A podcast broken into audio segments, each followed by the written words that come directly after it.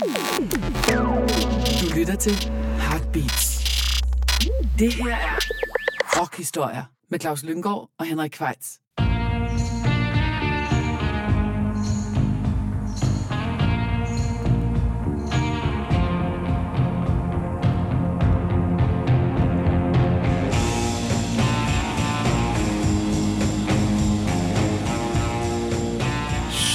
Det sørme blevet tid til endnu en gang rockhistorier, og dine værter er som altid Claus Lynggaard og Henrik Kvejs. Og i dag har vi inviteret en gæst i studiet, Signe Svendsen, som er aktuel med albumet Hvem vil ikke elskes igen? Det kan man jo godt skrive under på. Ja. Øh, som kommer her den 14. oktober. Ja. Og øhm, ja, men øh, velkommen. Og du starter også en turné her lige om lidt, Signe. Ja, tak. Tak fordi jeg måtte være med Ja. ja. her. Det gør nemlig, at jeg starter en turné 4. november. Ja, klassisk. Klassisk situation. Man sender en plade ud og tager på turné. Ja. Og det kan man jo så igen nu. Det kan man nemlig igen. Ja. Hvilket er dejligt. Ja. Ja. Så, Og ja, men øh, som, som altid, øh, så synes jeg, vi skal starte med at præsentere lytterne for vores gæst, og det gør vi ved at spille et nummer, Claus. vi spiller den første single øh, fra øh, dit kommende album. Du fik hendes øjne, som jo er en, en, øh, en ballade, og den kan du så uddybe lidt, når vi har hørt den, hvad det er, den handler om. Det tror jeg ikke, man, man kan godt gætte det, men jeg, jeg var alligevel, øh, ja, jeg synes, øh, jeg synes, det er en spændende sang, og der er ikke så meget mere at sige, andet nu spiller vi den, og så kan Signe lige fortælle lidt om den. Du fik hendes øjne fra Signe Svendsens kommende album.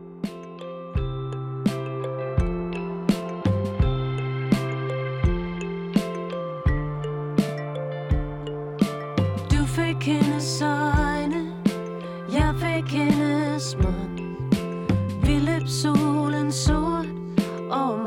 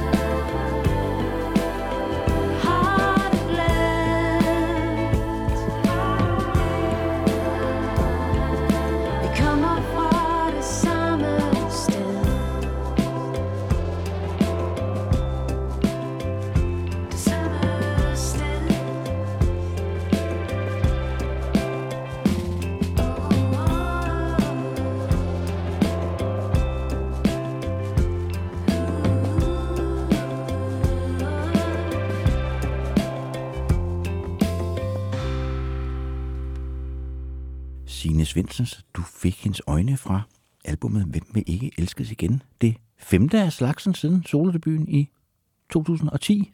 Ja, det er rigtigt. Og ja, vi kan lige kort præsentere dig. Du er født i 1974, Mm. opvokset i Nyborg Ja, på Fyn. Og På uddannet- Fyn, ja. Uddannet i Rytmisk Musikkonservatorium. også det. Ja, Og her i København. Yes, og har opnået at få en øh, sang med i folkeskolens afgangsprøve. Det Det er rigtigt, Henrik. Ja. der har simpelthen siddet nogle ja. unge mennesker og svedt over øh, en tekst, jeg har skrevet øh, for nogle år siden. Øh, det var en af mine venner, der ringede op, som havde været censor til den her afgangseksamen i dansk ved folkeskolen, og så sagde hey, ved du godt, og det vidste jeg ikke, at jeg var med i det der kompendie øh, med stakkels unger. Jo, men altså. Så skulle jeg analysere en tekst. Jamen, jeg, har også, jeg, har også, jeg har også prøvet at være eksamensstof. Har du det? Ja, ja. Selvfølgelig. Så, øh, Med ja. Martin og Victoria? Ja. Eller? Ja. Så, men det, det, Ja. ja. den plejer de nu meget godt at kunne lide, de unge mennesker. Ja. Men du fik hendes øjne, sine. Hvem var det, der fik hendes øjne? Ja. Jamen, det er den ene part af et, en... Altså, det er to søskende, den her sang handler om. Øh, det der med, at man kan, man kan være så forbundet genetisk og øh, have den samme historie og løbet på de samme øh, grusstier og sådan noget. Og så lige pludselig kan der opstå en eller anden splint i den her relation, øh, som, som kan være helt ufattelig smertefuld, når man nu egentlig deler så mange andre ting. Så det er, det er, den, øh, det er den historie, som den her sang, den ligesom prøver at, at arbejde lidt med. Og så har jeg skrevet den, øh, jeg har skrevet den på en guitar, som jeg købte under corona, som, som næsten ikke siger noget, og som er sådan meget stump i det, meget inspireret af Aaron Dessner fra The National, som også har sådan en guitar. Øhm, og det, øh, det gjorde så, at den fik den her sådan lille pling-pling-agtige lyd. Du sagde, det var en ballade, men det, for mig er det sådan en brusende popsang. Jamen, det, det kan vi godt sige, det er. Vi skal ikke hænge os i detaljer, Signe. Nej, men det der er også det er et super fint emne, og altså, vi snakker tit om, Henrik og jeg, at det er forbløffende. Øh, Vi har lavet en, en podcast med sang om familie, hvor meget der bliver sunget om kærlighed mellem mand og kvinde, eller mand og mand og kvinde, kvinde var nu. Mm-hmm. Men egentlig var relativt sjældent, der bliver sunget sange om familien, ja. som fylder så meget i vores liv. Ja. Altså, det er egentlig ret interessant, at, at der bliver skrevet relativt få sange om, om det emne. Ikke? Måske det i virkeligheden, øh, det oplevede jeg i hvert fald lidt, da jeg skulle skrive den her, at jeg blev nødt til at stykke den sammen af flere forskellige historier. Til dels er det min fars historie, og til dels er det en veninde, jeg har, og, og så noget andet, lidt løgn og latin, Ja, ja, som man det selvfølgelig også putter i. Men, øh, men fordi det, er- det, det, altså, det er jo sindssygt svært, når det ikke går så godt, ja. når man har blodets bånd imellem sig. Ikke? Altså, ja. Det er jo virkelig svært, så det kan godt være lidt tricky at skrive sådan nogle sange, så man bliver nok det er nødt til at blande det med noget andet. største konflikter, man kan komme i, er jo tit med sine familiemedlemmer. Også i på en eller anden måde, hvis det er en kæreste eller en ven eller den, så kan man bryde båndet, og så, Mm-hmm. så, så er vedkommende ude af verden. Ikke? Jo, Men familie, der er man stadigvæk, hænger man fucking stadigvæk sammen. Ja, altså, man der, ikke der, er stadigvæk jul og påske, ja, ja, og ja. skal man Ja, møde op, ja. og skal man ikke møde Ja. op. Og, Plus, jeg tror, man bruger endnu mere energi på at så at være uvenner, end man gør på at prøve at holde den gode tone. Ikke? Helt sikkert, ja. øh, så jeg tror, det, det, det kan være... Altså, det er svært at hive det op på et plan, hvor andre kan læse deres egne historier ind i det, vil jeg tro, og det er derfor sangskriver måske ikke behandler det så tit. Det, går, jamen, det er også måske også et sprængfarligt stof. Mm-hmm. Ja. Så altså, man kan jo hurtigt, altså, hurtigt nogen, der føler sig truffet, hvor man bliver sådan overrasket over, jamen, jamen det er jo slet ikke dig, det handler om, kære ven. Ja. Men vi skal til gang med det egentlige, eller det kan man jo sige, det var jo også en del af det egentlige at, at, at lære kunstnerne at kende. Men som altid, når vi har en gæst, så er det jo gæsten, der har lavet ja. vores Så playlist. trækker Claus og jeg os ydmygt tilbage, som vi jo falder os meget naturligt. Fuldstændig selvudslættende, som vi er. Og hvad hedder det? så, så sikkert. det, er- det er Signe, der har, der har valgt, hvad vi skal Ja, hun har valgt af de numre, vi skal høre i dag. Og hun lægger ud med en sang, som vi nok godt tør kalde en klassiker, fra debutalbummet med Crosby, Stills Nash, øh, der også bare hed Crosby, Stills Nash, som kom i 1969. Der har du valgt åbningsnummeret Sweet Judy Blue Eyes. Nu snakker vi om, at der er mange kærlighedssange i verden. Og det er jo en kærlighedssang, men det er også en kærlighedssang om, at det er ved at være slut, og hun vil ikke rigtig have ham mere. Ja, skrevet Steven Stills, og handler jo om en, en konkret person, Judy Collins, sangerinden. Ja, med hende med de gennemboende blå Ja. øjne her. Og hvad hedder det? Det er jo også titlen spiller jo på sweet, altså smukke blå øjne, og så sweet, ja. øh, klassisk, altså en suite, og det er jo så simpelthen fordi, at den er bygget op som en suite. Der er, det er også et, et, et popnummer med satser. Ja. Øh, og anekdoten er jo, han spillede den jo for hende på et tidspunkt, hvor hun sagde, at det er sgu en smuk sang, Steven, men du får mig ikke tilbage af den grund. ja. Men, øh, men Signe, hvorfor har du valgt den? Hvorfor skal vi lægge ud med den?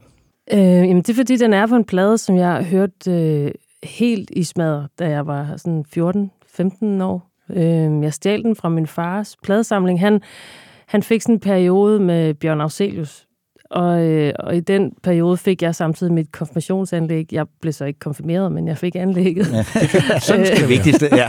det var det vigtigste. Ja. Og så kunne jeg stille og roligt gå ned og tage nogle af hans plader. Der tog jeg den her plade, og så tog jeg Bold as Love øh, med Jimi Hendrix, og tog The White Album.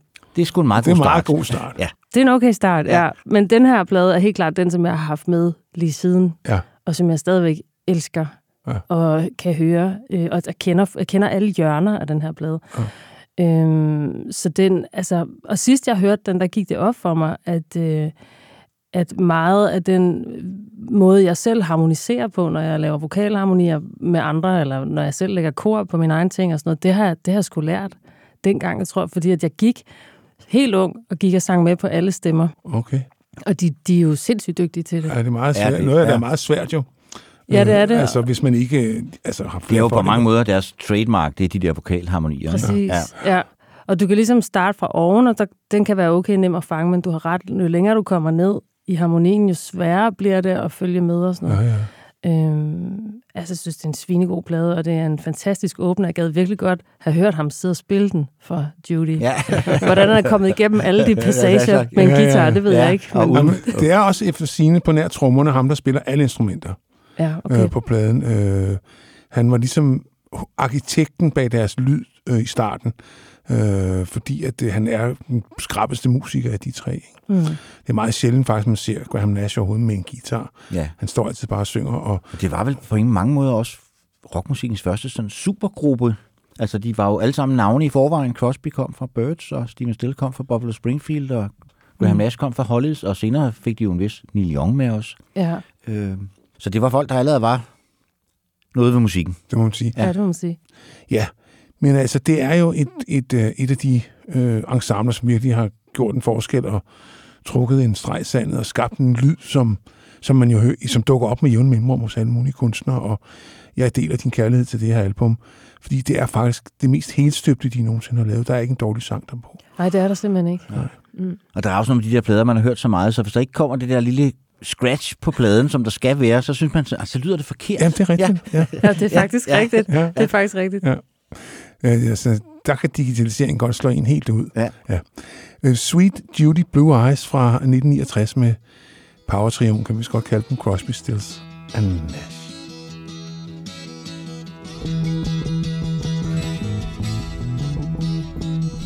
It's getting to the point where I'm no fun anymore. I am sorry. Sometimes it hurts so badly I must cry out loud. I am lonely. I am yours. You are mine. You are what you are. You make it hard. Remember what we've said and done and felt about each other. Babe, have mercy. Don't let the past remind us of what we are not now. I am not dreaming. I am yours. You are mine. You are what you are. You make it hard.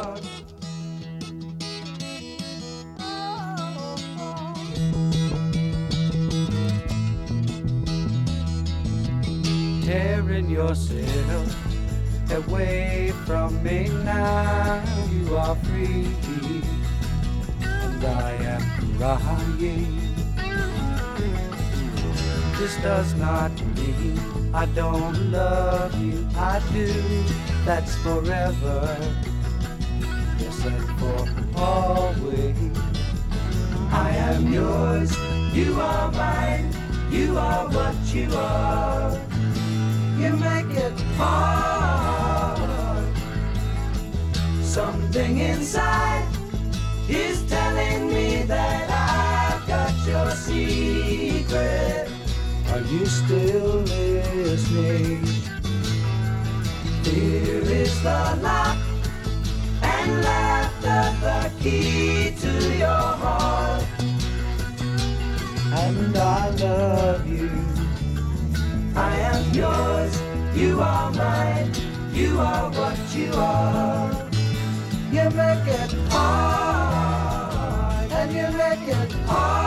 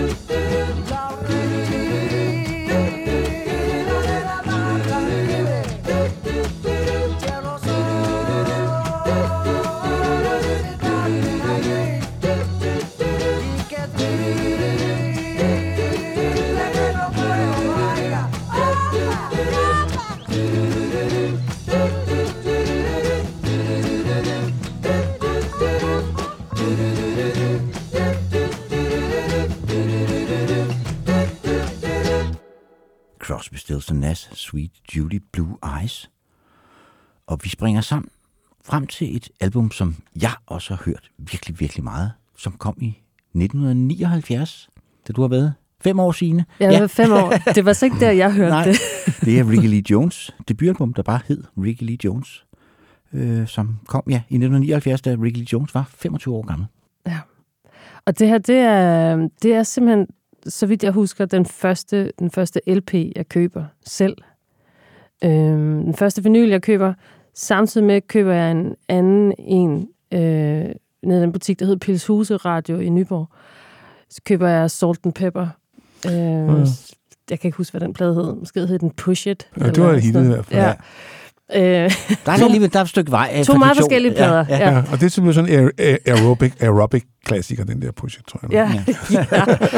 Jeg synes, det er dårligt. Jeg har faktisk stadigvæk øh, Jeg pladen synes ikke, det var dårligt. Nej, men uh, Ricky Lee, hun har så, altså ligesom den anden plade, fulgt mig lige siden, og hun er på en eller anden måde den første af de der sådan, kvindelige singer-songwriter, som, som virkelig bider sig fast i mig, og som, ja, som- altså jeg ved ikke, hun er til evig inspiration, synes jeg. Altså, øh, jeg hører hende så på Midtfyn nogle år efter, jeg får den her plade, hvor hun ikke rigtig, altså, hvor hun ikke rigtig sådan lever op til det. Jeg kan huske, hun sidder på en barstol og er sådan rimelig træt, og hun sidder på, jeg tror det er rockscenen, er det ikke den store scene, hvad det ikke den hed? Jo.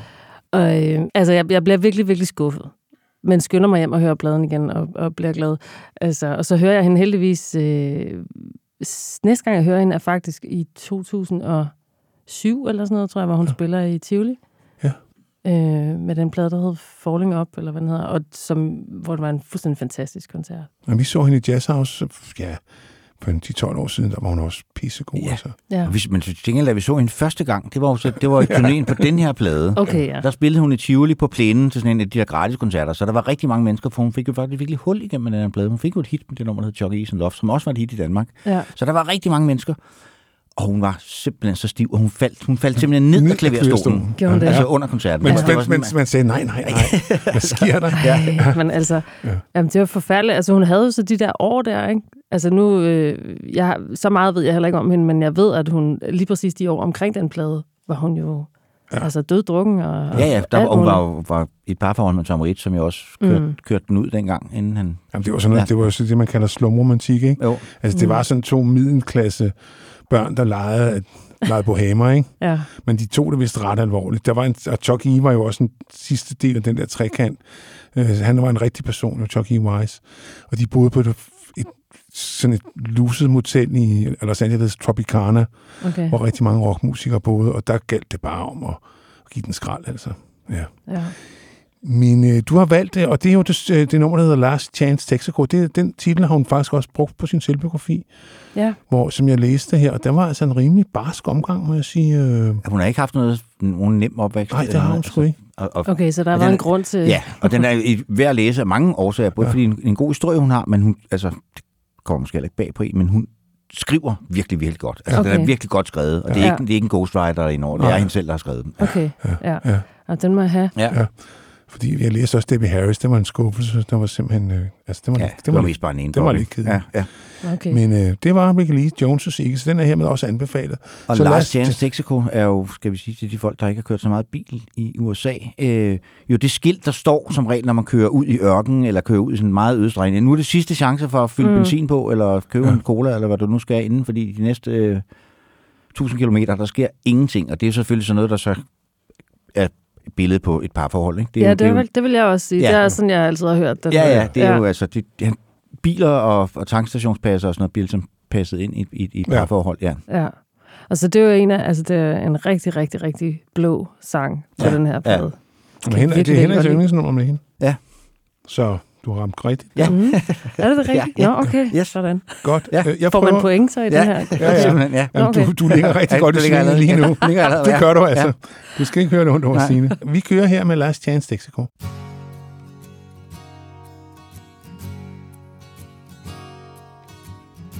A long stretch of headlights build into our night. They tiptoe into truck stops sleepy diesel lights.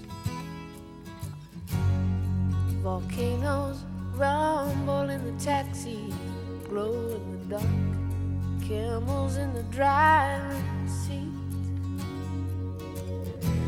A slow,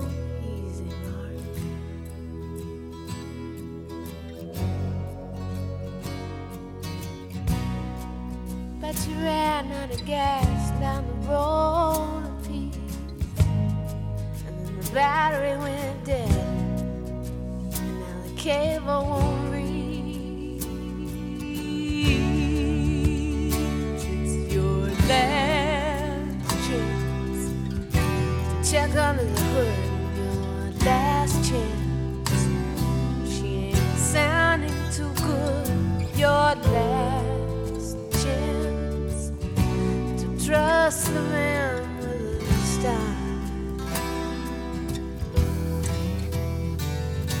Cause you found the last chance. Texaco.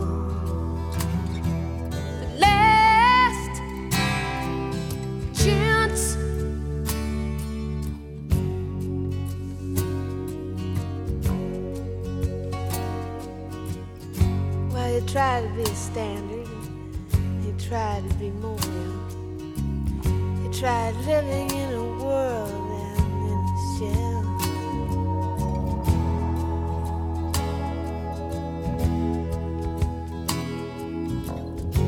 There was this black busted blonde who loved her free parts of labor, but she broke down and died.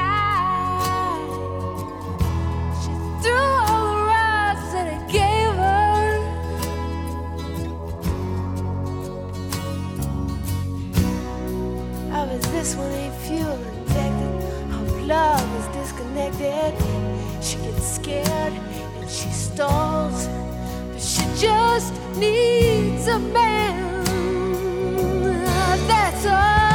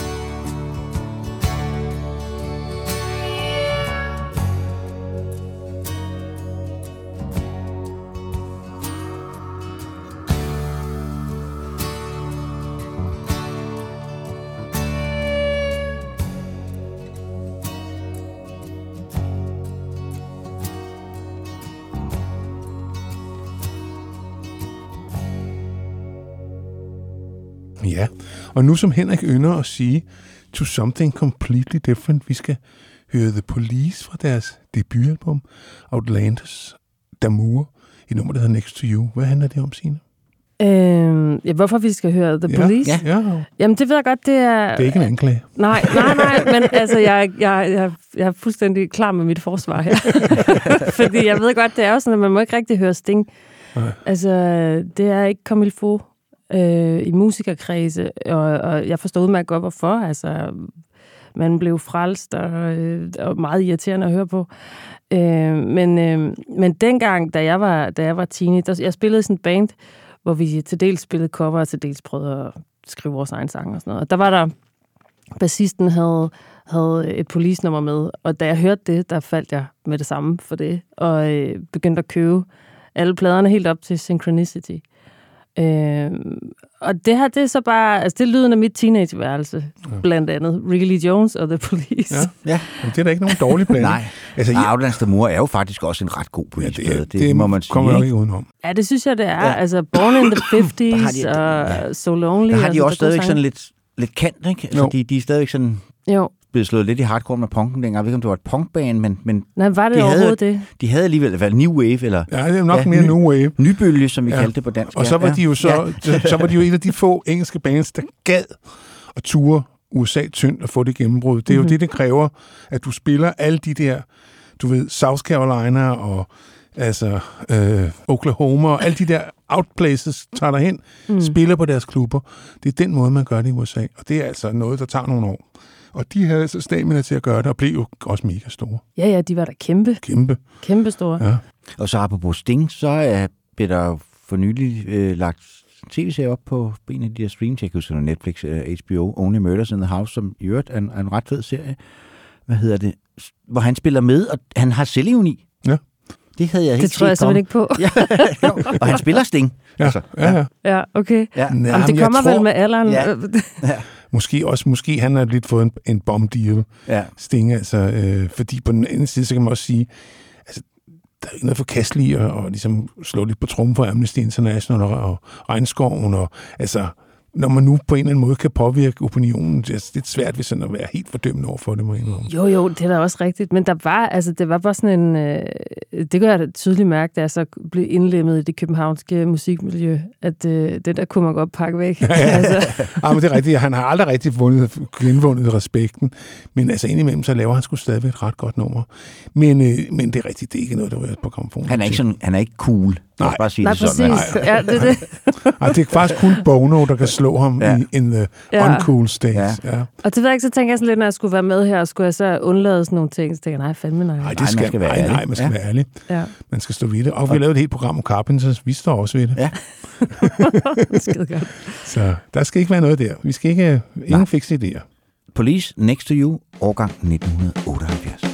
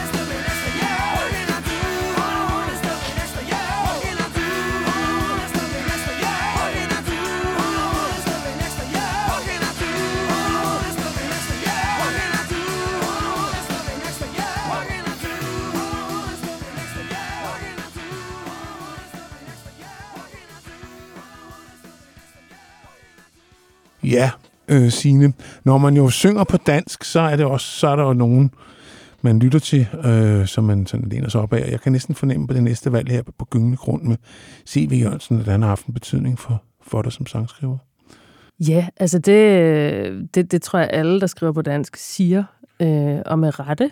Øh, Han er svær at komme udenom. Han er virkelig svær at komme udenom, og han er, altså første gang jeg hører den her sang, øh, det er første gang, at det danske sprog øh, sådan, altså slår mig øh, som, som et sangsprog, som er virkelig er interessant. Altså jeg havde jo lyttet, jeg havde både hørt øh, Anne Linde og Knæks og alt muligt, men jeg kan huske, at øh, min mor hun boede i sådan et bofællesskab, hvor øh, Bjarne og Jette nede i stueetagen, de havde holdt fest og gik og gjorde rent sådan søndag formiddag. Og alle vinduer stod åbne, og jeg kommer ned ad trappen der, og skal egentlig bare ud, og så hører de i det mundre hjørne sindssygt højt. Og der måtte jeg bare sætte mig ned på trappen og, øh, og lytte efter, og tænkte, hvad fanden er det her? Altså, jeg havde godt hørt CV før, men Ja. der, der ramte han mig bare. Det var det, du hørte ham. Det er der, jeg virkelig hørte Ja, ham, og jeg hørte, hvad, hvad det er, han gør med sproget, og øh, måske var jeg også bare stor nok til at forstå det på det Ja. tidspunkt, altså sådan midt i gymnasiet eller et eller andet. Jeg, ja, jeg synes, det er... Ja, han er virkelig svær at komme udenom, og øh, hvornår fanden laver han en plade til? Det ved I det? Nej, jeg tror ikke, der kommer Jeg tror ikke, der kommer. Jeg tror, han er, 20 år, jeg tror, han er gået på pension. Altså, han er Ja. simpelthen gået på pension. Han skal betale sin gasregning. Ja, Øh, ja, altså han, øh, han, altså, vi gav ham en, øh, vi havde jo den der pris, som nu er blevet lukket ned, Stepulmen, mm. hvor vi hver år gav årets pioner en.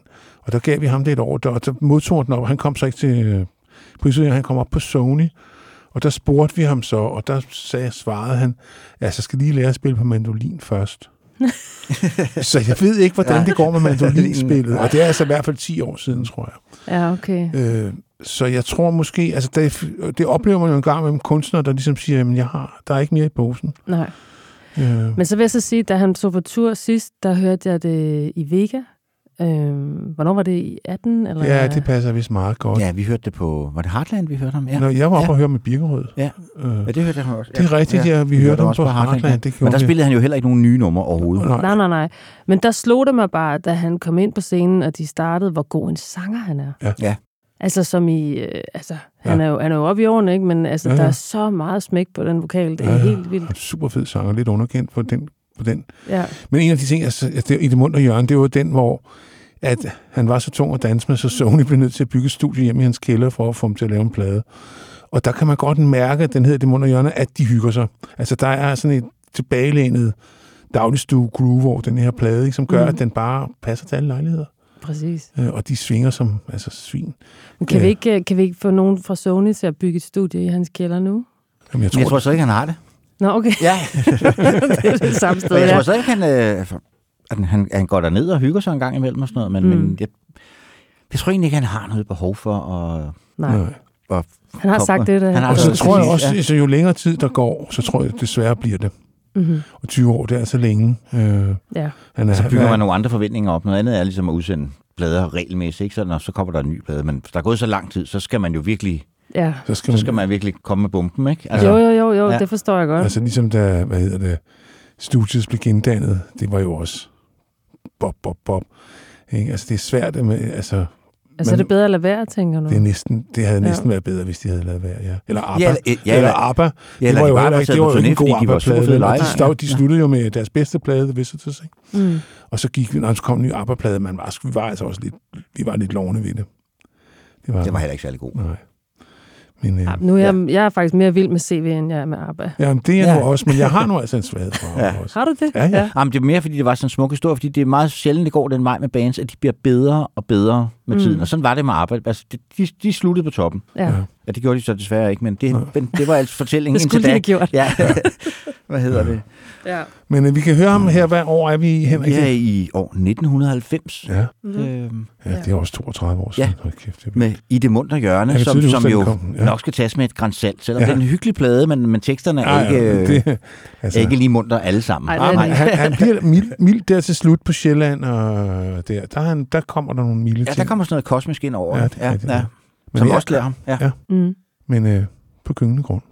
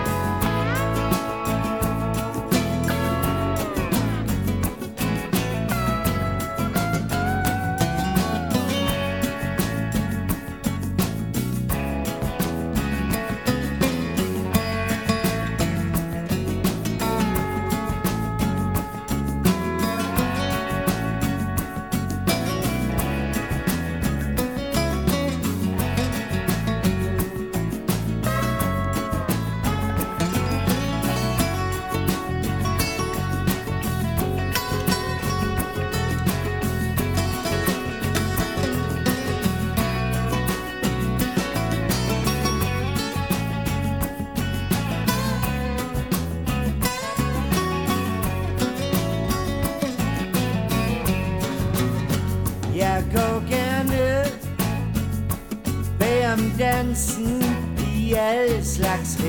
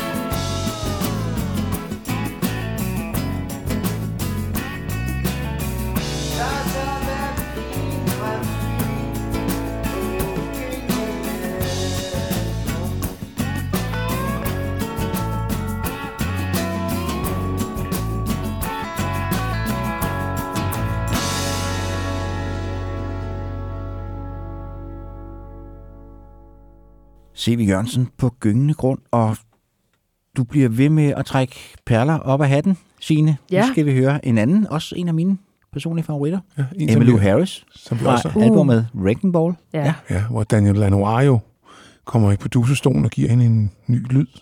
Ja, ja, og giver hende øh, øh, udfordring, tror jeg, Ja. ja. har jeg læst mig til. Det tror jeg på. Ja, at hun bliver trukket rundt og kommer ud i sådan nogle yder, Ja. yderkanter. Ud af øh, comfort zone. Ja, præcis. Ja. ja, altså den plade der, øh, jeg, jeg stod på Emmylou Harris øh, via Trio-pladen. Med Linda Ronstadt og Dolly Parton. Ja. og, øh, og finde ud af, hvem hun er. Og, øh, og så, er det, så er det faktisk den plade, jeg får fat i først.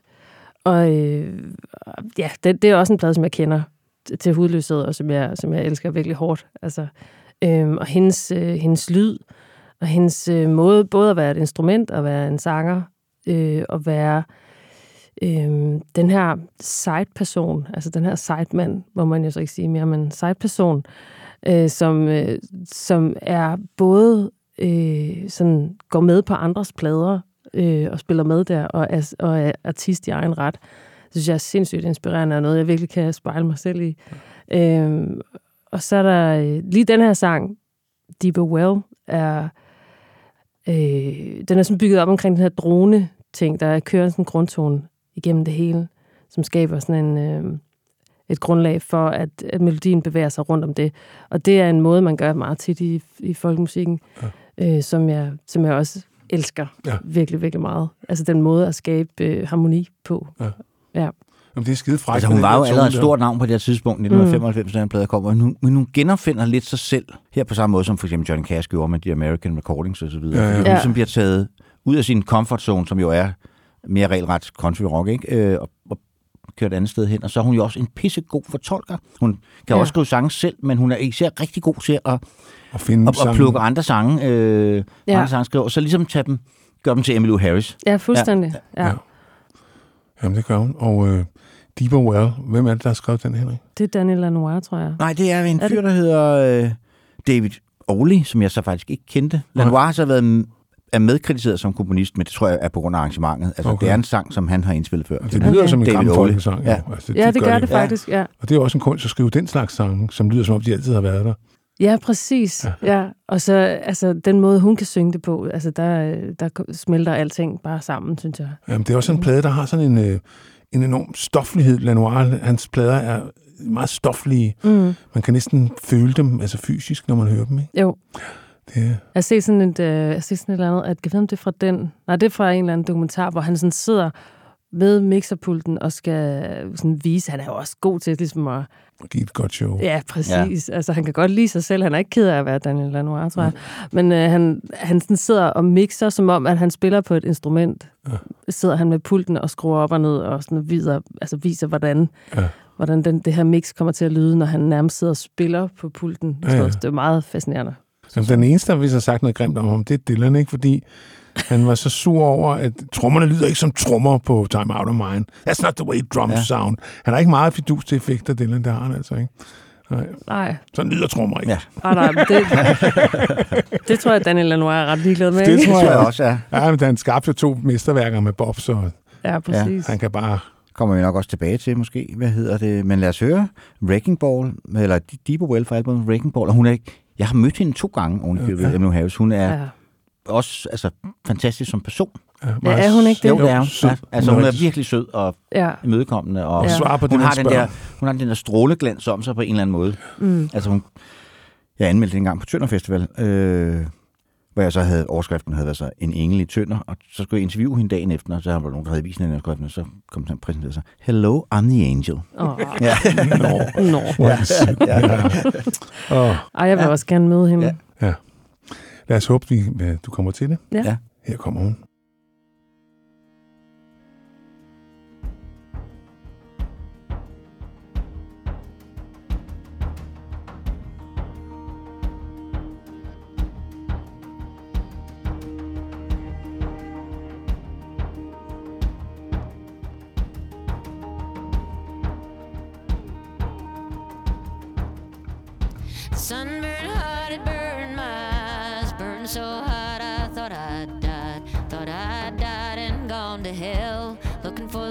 From a deeper well.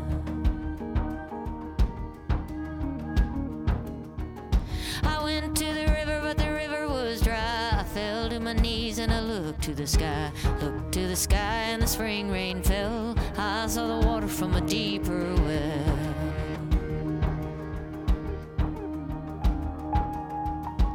Well, looking for the water from a deeper well.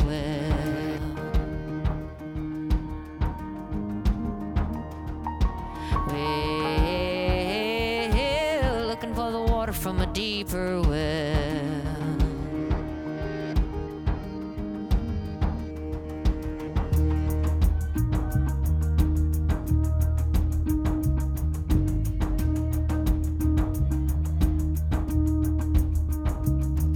I was ready for love, I was ready for the money, ready for the blood and ready for the honey, ready for the winning, ready for the bill, looking for the water from a deeper well.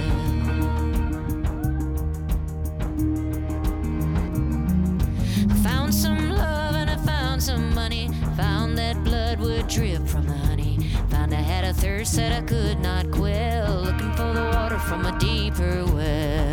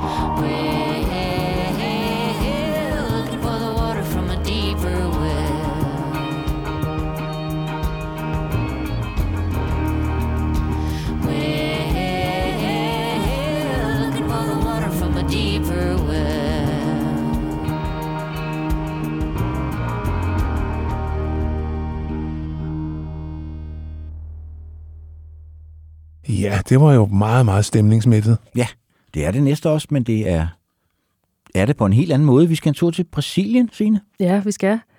Øh, og en anden trist sang. Nej.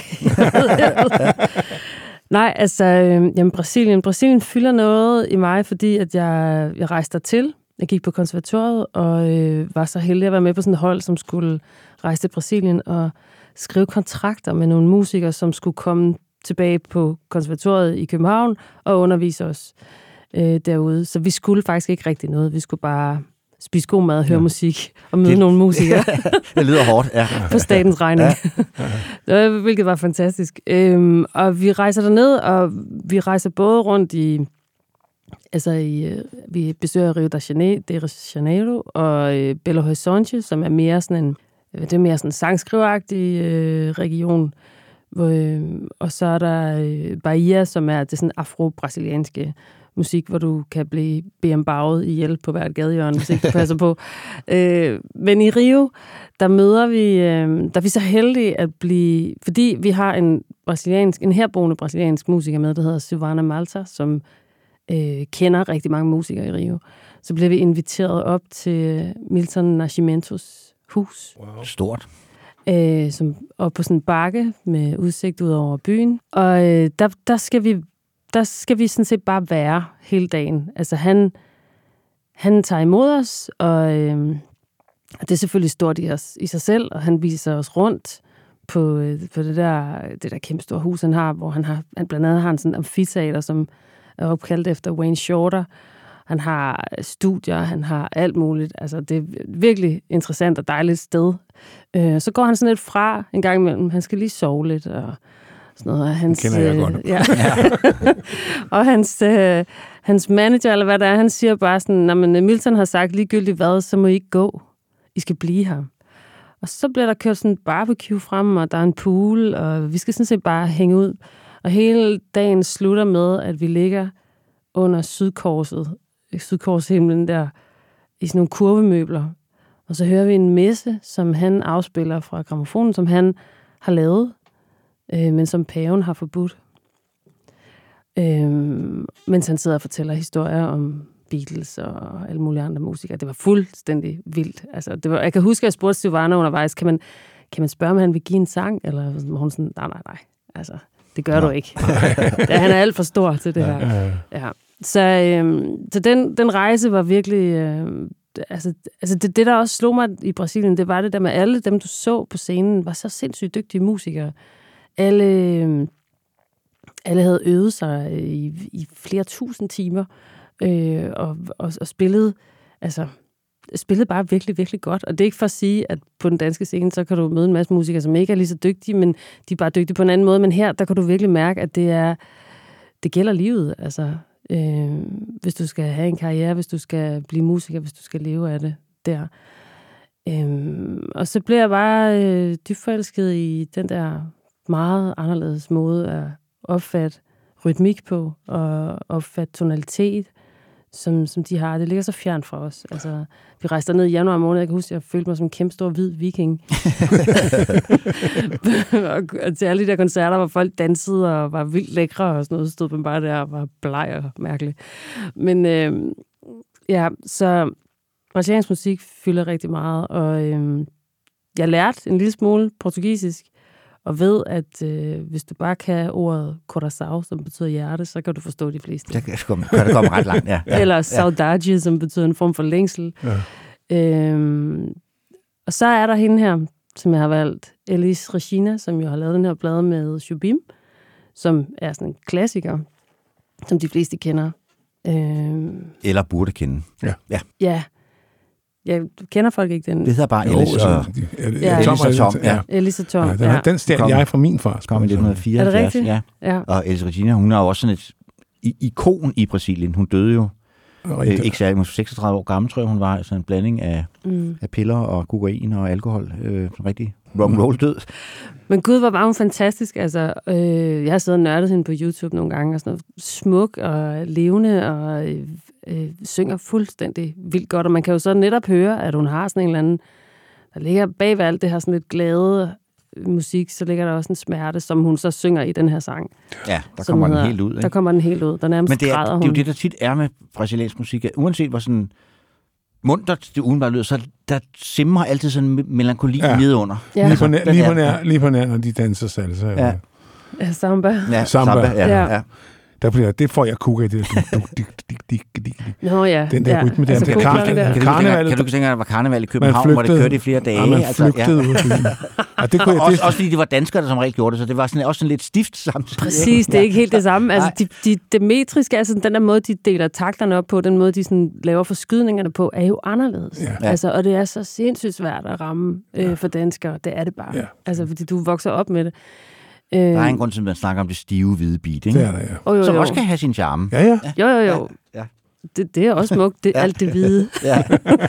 Men Modinha her, det betyder en lille sang, som er i virkeligheden meget, meget, meget trist lille sang. Ja. Om, at der faktisk ikke er noget tilbage. Hun sidder tilbage og har kun sin længsel og den her lille sang. ja.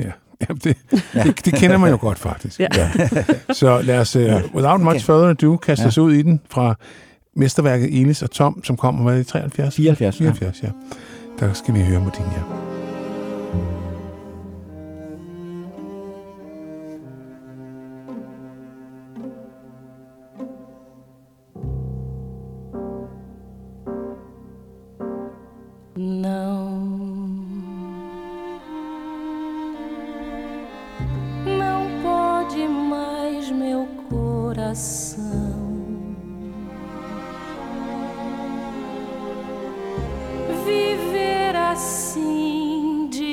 Dilacerado,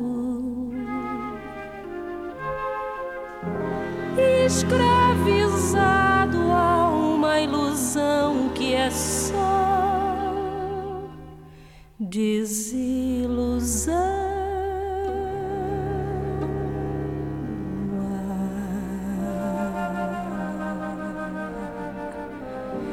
Não seja vida vida sempre assim.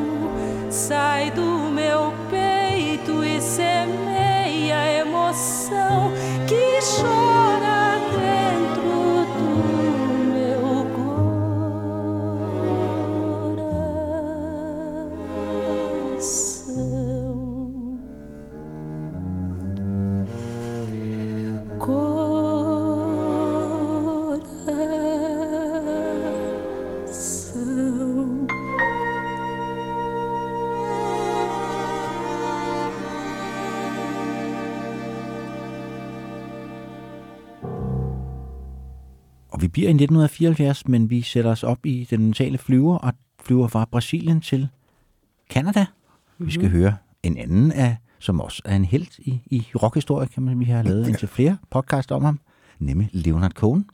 Ja. Og vi skal høre nummeret Bird on a Wire. Nej, vi skal høre Nej. Who by Fire. Nej, Who by Fire, ja. Vi skal ja. høre Who by ja, Fire. Ja, Ja. Vi kunne også godt høre den anden. ja. ja. Så var fra samme plade, ikke? Nej, nej, Øh, nej, New nej. Skin for the Old Ceremony. Nej, Nej, Bird on a Wire er for Songs from det er rigtigt. Ja. Ja. Nej, Henrik, det, Ja. nu skrider det helt for dig. Yes. Men vi skal i hvert fald høre Who by Fire. Og hvorfor skal, vi, hvorfor skal vi høre Leonard Cohen? Hvorfor ikke? Ja. Ja. Altså, det er... Det er, øhm, det, det er på en eller anden måde... Han er mesteren, synes jeg. Altså, øh, han... Mm, ja, jeg, jeg, kan ikke, øh, jeg kan ikke komme i tanke om noget, som, som jeg holder mere af, egentlig, end, end at høre Cohen. Altså, han... Øh, tingene går ligesom, det går ligesom op i en højere enhed. Hans Han er meget, tekster svær- meget svær at blive træt af. Ja. meget svært at blive træt af. Og, øhm, det er som om, at, øh, at også på de, på de sceneplader, han laver, og selv den, der kommer efter hans død, øh, den måde at takle sproget på, den måde at vende øh, et ord på, så de ligesom bare går op, så du tænker, gud, det har altid eksisteret, det her. Mm. Det, det har altid eksisteret et eller andet andet sted, i en anden dimension. Jeg ved godt, det, Ja, det er ja. måske lidt for meget sagt, men det, for mig er det virkelig sådan, shit, han er god. Altså. Jeg synes næsten ikke, der er nogen sangskriver, der har lavet så mange fede one-liners. Nej. Altså, der Nej. er stort set ikke en sang, hvor der ikke er en perfekt one-liner. Jeg kan Og det huske er måske også, fordi han, han bruger så meget tid på det. Altså, han Ja. ja. er jo meget lang tid om at skrive, eller var meget lang tid om at skrive sine sange. Ikke? Altså, Jo. Det jo. kunne jo godt tage flere år at, at, skrive en sang, før han syntes, den var færdig. Ja.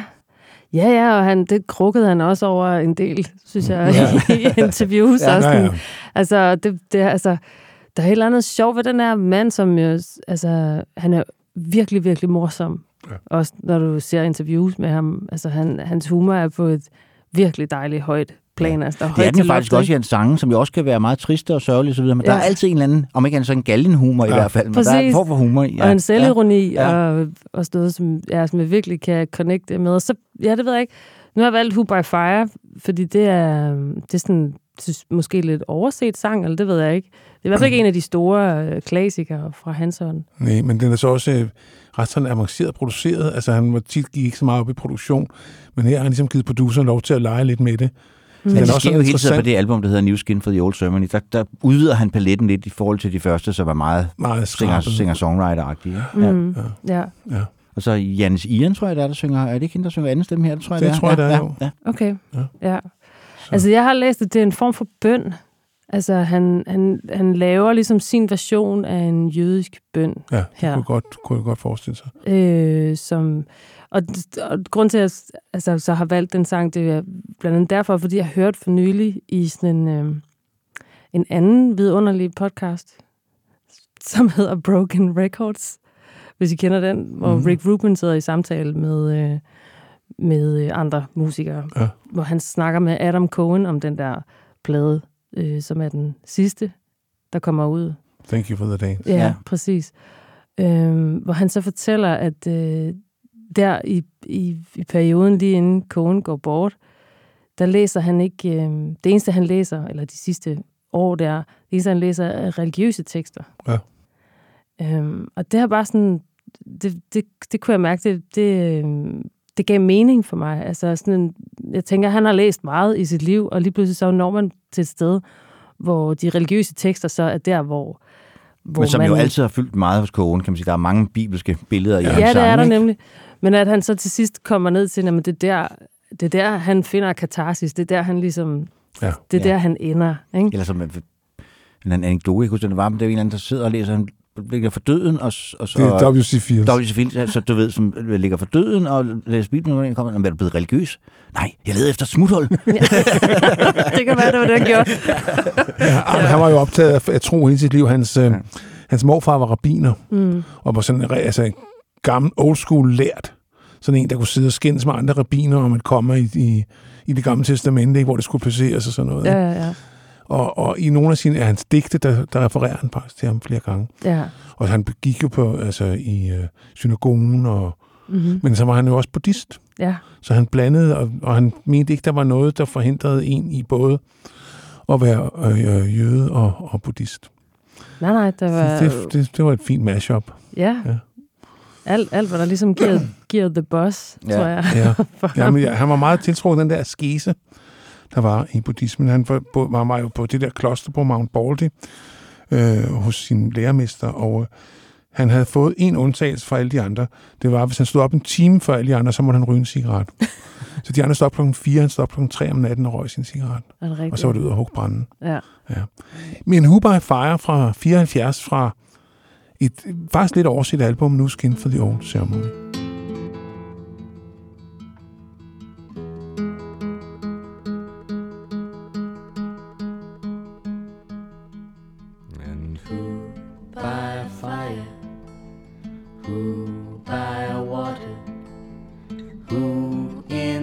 Sunshine, who in the nighttime, who by high ordeal, who by common trial, who in your merry, merry month of May, who by very slow decay, and who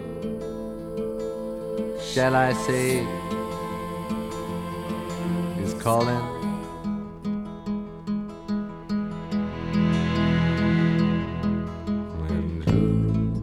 Her lonely slip, who by barbiturate, who in these realms of love, who by something blunt, who by avalanche, who by powder, who for his greed, who for his hunger, and who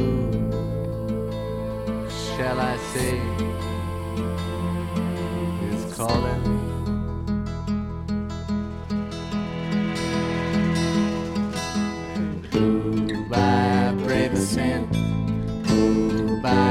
Accident, who in solitude, who in this mirror, who by his lady's command, who by his own hand, who in mortal chains, who in power, and who shall I say is calling?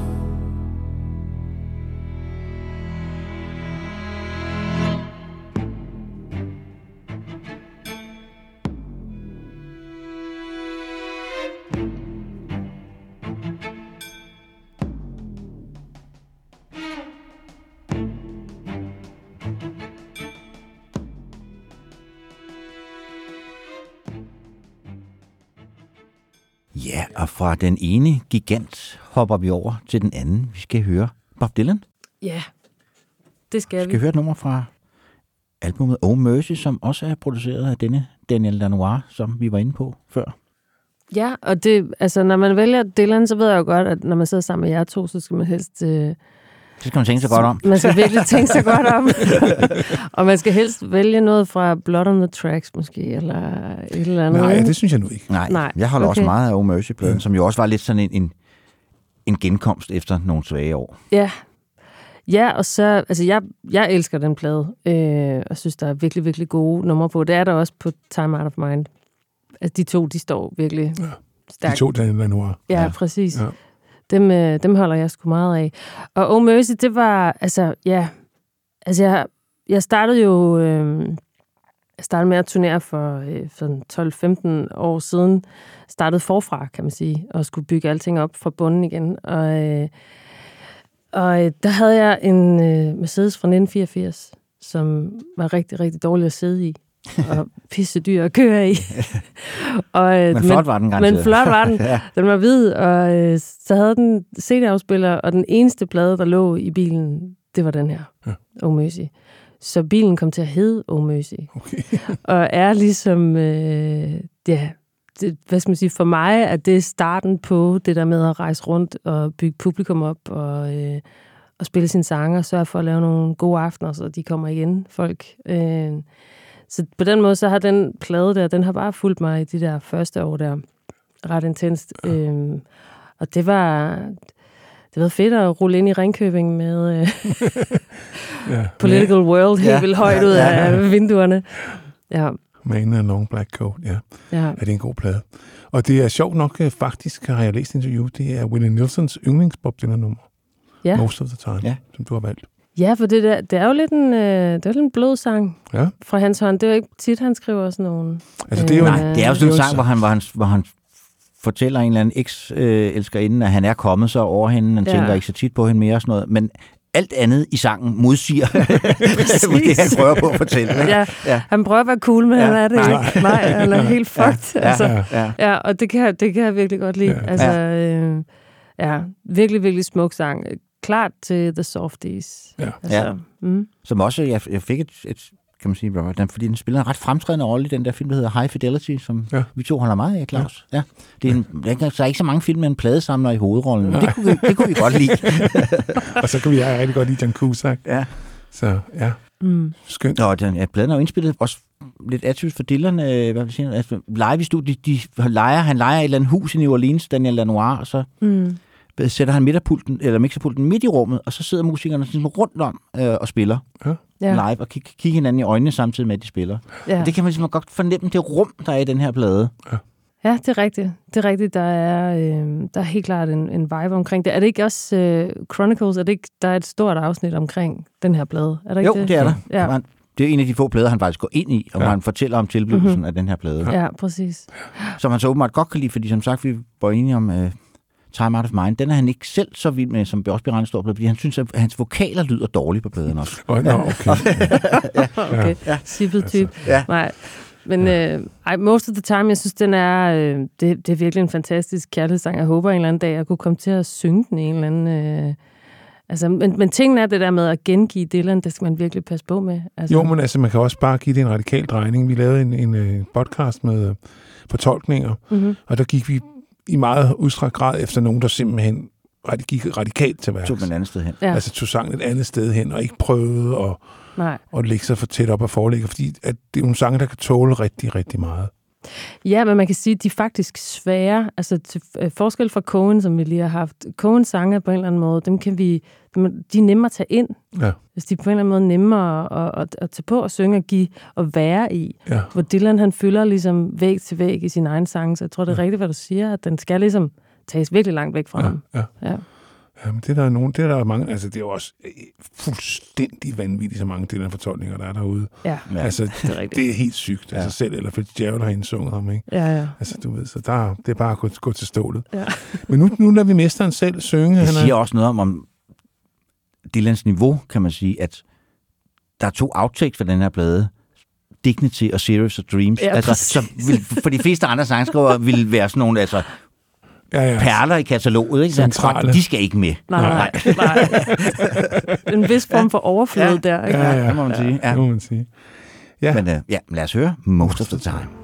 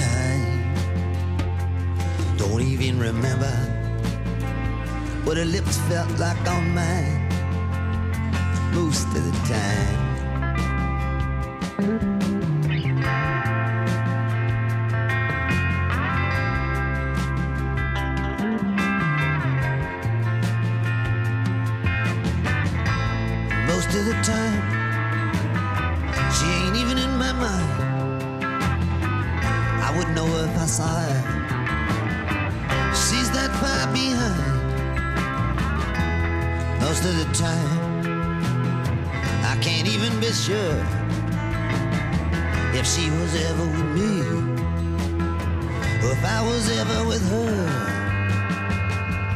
Most of the time, I'm halfway content. Most of the time. I know exactly where it all went. I don't cheat on myself. I don't run and hide. Hide from the feelings that are buried inside. I don't compromise. And I don't pretend. I don't even care if I ever see her again most of the time.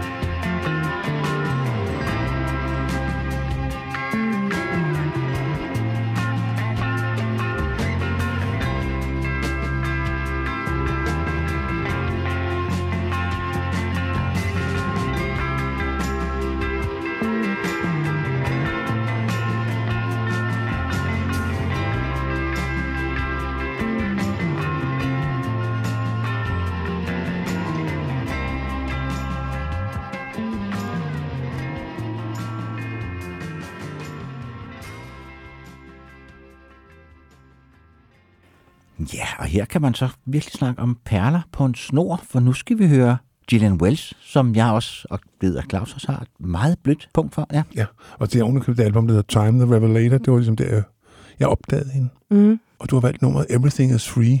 Ja. Det er du så nok ikke i virkeligheden. Nej, præcis. Det er jo det. Det er jo det, Claus. Som Ja. Joni Mitchell siger, there's no such thing as free Ja. love. Everything has a price. Ja. Jamen det, og det, øh, altså den her sang er jo skrevet, øh, er skrevet lige der, hvor, hvor musikbranchen taber alt på gulvet Ja. til Napster og, og hvad de ellers hedder. Og hun, og hun gør det simpelthen så flot, synes jeg, i den her øh, kommentar til, ja. til, hvor vi er Ja, den er skrevet i 2001. Ja. Ja, ja, præcis. Hun er, altså for mig, så står hun som, øhm, som øh, altså, den bedste til at føre bluegrass, amerikaner-stilen videre. Øh, hun får jeg så at vide senere. Jeg, jeg lærer hende at kende, og så kan jeg huske, at jeg begynder at komme på Tønder Festivalen, hvor jeg møder nogle amerikanske musikere, som fortæller mig, at hun var ikke sådan helt, hun var ikke sådan helt, øh, hvad skal man sige, velanset i det der klassiske bluegrass-miljø. Nå, Fordi hun kom fra New York, og boede Nå. i L.A. og havde studeret på Berkeley. Det vil sige, hun var ikke fra Kentucky. Hun var ikke fra Nashville. Hun var ikke... Nej, hun, Hun var var ikke, ikke- hun var ikke the real deal. Nej, præcis. Og derfor så, så gik der et stykke tid, før hele det der miljø sådan, øh, Så, tog hende ind. accepterede hende. Jeg accepterede hende. Men jeg må sige, at, øh, at den måde... Altså, altså, hun er fat om nerven, synes jeg, i den genre. Øh, og så spiller hun fuldstændig fantastisk guitar. Altså, hun har sit eget, hun har sit eget swing. Hun har sin måde at strumme på, som... Altså, det lyder så godt. Hun er, et- hun er et helt orkester i sig selv, Ja. som gør, at hendes marker, David Rawlings, bare kan lægge sig lige præcis, hvor han vil øh, og spille sådan lejende let melodisk rundt om hende. Ja. Øh, så de er jo ligesom det her makkerpar, Gillian og David. Som der- jo, jo også, altså, hun med- medvirker også på hans plader, og de har lavet Ja. ja. plader, som er begge deres navne. Det er sådan lidt, men det virker nærmest lidt tilfældigt, ja. Ja. hvad, hvad, hvad, der står på coveret, ikke? fordi de laver ligesom det hele sammen. ja. Præcis, Ja, og ja. det, for dem er det bare for dem er det bare musik. Altså, øh, og altså hun gjorde faktisk, jeg faktisk så, jeg ønskede mig en guitar som hendes. Øh, fordi jeg havde dyrket hende så meget, så jeg vil gerne have sådan en J50, som er en Gibson, som ikke er så fin i det. Altså det er sådan en lægmands Gibson. Øhm, og så fik jeg fame en af min øh, mand i julegave, som han havde skaffet og fundet. Den er godt nok 10 år ældre end hendes. Men, øh, Det er da kun godt, er det ikke? Nej, undskyld, yngre. Yngre. Nå, Ja, ja, præcis, ja. Ja, øh, hendes er fra 54, og min er fra 64. Men hun er, øh, altså hun, hun er en magisk sangskriver, og, øh, og jeg synes, det, det, de laver, bliver ved med at være, være godt. Og så har jeg, hørt- jeg har hørt sådan et interview med David Rawlings, som fortæller, at hans stil i guitaren, han spiller lidt på sådan en, det er ikke en resonator, men det er sådan en hollow body guitar, den er sådan lidt, den runger lidt, og, sådan, og han spiller sådan dissonanser op af hendes, altså ting, der skuer lidt mod hinanden. Og den spillestil, han har udviklet til hende. Ja. Øhm, så de er virkelig, altså den der måde, hvor man, det er ligegyldigt, hvor de stiller sig op. Hvis de stiller sig op inde i det her rum, som er helt lyddødt, så vil det stadigvæk lyde fuldstændig fantastisk. Altså de er, de er så samspillet. De er så, øh, ja, Ja, på en måde, du sagde, at de skriver sig helt tydeligvis ind i en tradition, men de har også ligesom deres egen lyd. ja. Ja, det synes jeg, de Ja, har. Jeg synes, ja. de har udviklet på det. Ja. Mm. Så lad os høre Everything is Free fra albumet Time the Revelator, der kom i 2001.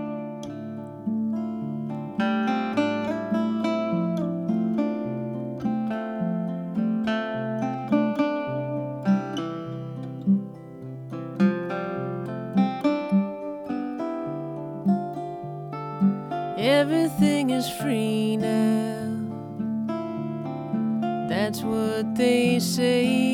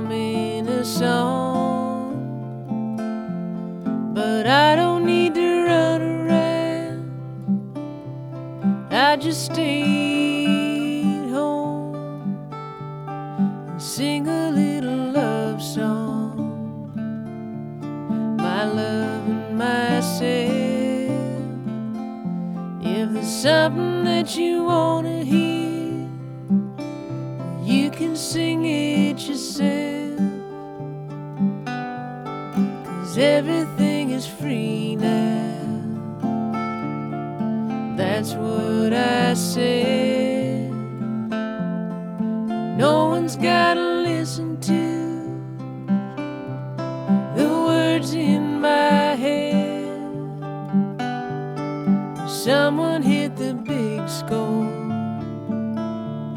But I figured it out. And I'm gonna do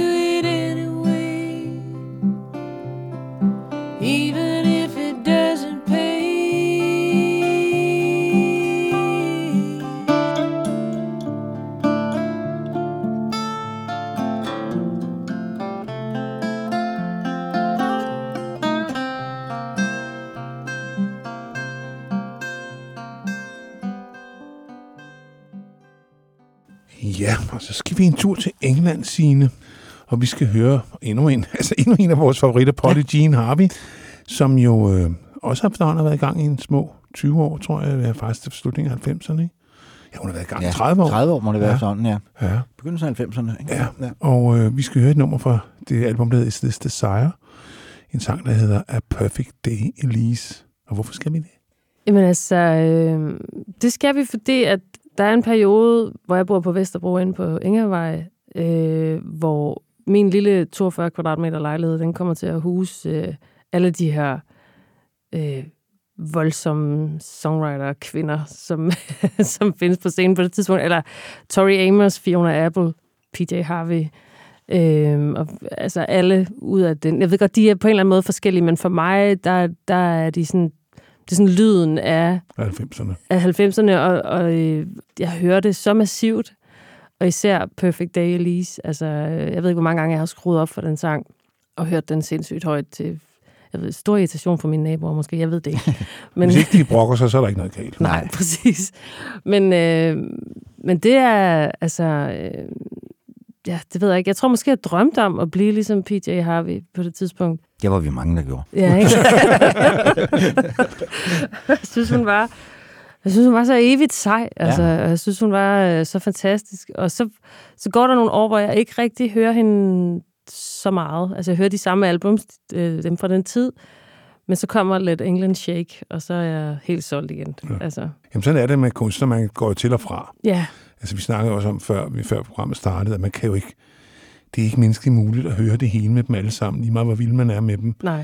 Altså, Nej, så er der også bare nogle perioder af ens liv, hvor man er mere synk med nogle kunstnere end andre, så er man et andet sted, og så er det Mm, noget præcis. andet input, man har behov for, ikke? Jo, Så er det skønt at finde hjem til dem igen, altså når den ligesom er der, ikke? Jo, jo, og når man så skal sammensætte øh, altså en liste af sange til sådan et program som det her, som, det er virkelig svært, venner. Ja. Men det tænker jeg godt, I ved. Ja. Ja, ja. Altså, det er sindssygt svært. Og vi laver gør jo det jo selv selv, ja. rigtig mange playlister ja. med kunstnere, vi holder af, og du ved, så skal man sidde, altså, åh ja, vi kan kun tage så og så mange. Altså, Det er kun som, være- hvis jeg, det er nogle gange som at skære i sit eget kød. Ja. Altså. Ja, det er det, det gør nærmest ondt. Ja, ja. Ja, ja, og så kan, altså, for mit vedkommende var det også sådan, gud, jeg skulle lige tilbage. Jeg skulle lige tilbage i den lejlighed på Vesterbro. Hvad Ja. fanden hørte jeg egentlig? Øh, og der stod PJ Harvey frem. Men så, Og vi kan jo godt øh, røbe over for lytterne den der A Perfect Day, Elise. Den titel skal ikke tages bogstaveligt, fordi det er ikke nogen særlig rar historie. Ja, den ender vel med et selvmord, kan vi skrue Ja, ja, sige. det er Room 509. Ja. Ja. ja. Lykkelig kærlighed kan føre Ja. ja. til meget, også død. men Ja. altså, her i, rock, her i rockhistorie, Halleluja. her i rockhistorie, der spreder vi glæde. Ja. Hvad, er det? Hvad var de sang, den der gamle sang? Vi planter smil, vi planter solskin, ikke? Jo. Er det ikke sådan der? Så PJ Harvey fra øh, mesterværket Is This Desire.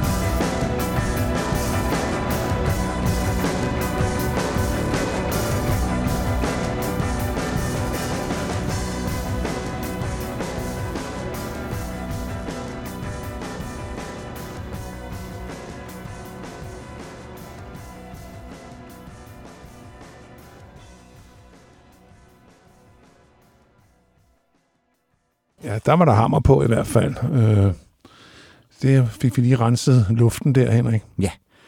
Og ja, du bliver ved med at smide guf på bordet her. Nu skal vi høre Karen Dalton. Uh, ja. Ja, hende kan I også godt lide, tænker Den jeg. kan vi rigtig, rigtig godt lide. Ja. Ja. Ja.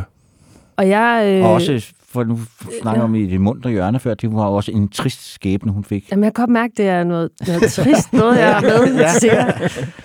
Men øh, vi bliver så godt humør her i studiet. Ja. Ja. What can one say? er- Ja. Vi er gode til at holde den op. Ja. Ja. Ej, det er en trist skæbne. Altså, så meget ved jeg heller ikke. Du kan måske fortælle mig mere. Nej, men hun er, hun er jo meget selvdestruktiv. Mhm. Altså, hun skulle jo være blevet det helt store, ikke? Men Jo. altså, hun, hun shufter rundt i det og får kun lavet to plader, mens hun... Ja, og bryder sig ikke rigtig om det. Altså, den første plade, som er den, vi skal høre et nummer fra, den It's Hard to Tell Who's Going to Love You the Best, mm. bliver jo kun indspillet, fordi produceren siger, jeg har ikke tændt for, øh, jeg har ikke tændt for båndoptageren, så du kan bare spille Nå. Fordi hun ville faktisk ikke rigtig... Hun ville egentlig ikke rigtig, og det var også noget, når hun spillede, så sad hun sådan gerne med ryggen til publikum, og ville egentlig ikke rigtig spille live, og Nej. ja, hun, altså, hun brænder jo tydeligvis for musikken, men, men ikke rigtig for at få den ud til andre. Hun var jo også hun var inde på Bob Dylan før, Bob Dylan skrev også om hende i den der Chronicles, hans selvbiografi, at det var faktisk hans yndlingssanger på hele det der Village scene. Det var hende. Ja, og det kan jeg virkelig godt forstå. Ja. Altså, jeg blev præsenteret for hende af min, øh, min bonusdatter, som øh, hedder Frederik- Frederikke, og som, er, øh, som selv er musiker, og som er god til at finde sådan nogle lidt odd ting, og give mig i øh, julegave på vinyler. Og så ja. Gav hun mig hende her, og så, så døde jeg fuldstændig. Hvorfor, hvorfor vidste jeg ikke noget om det her?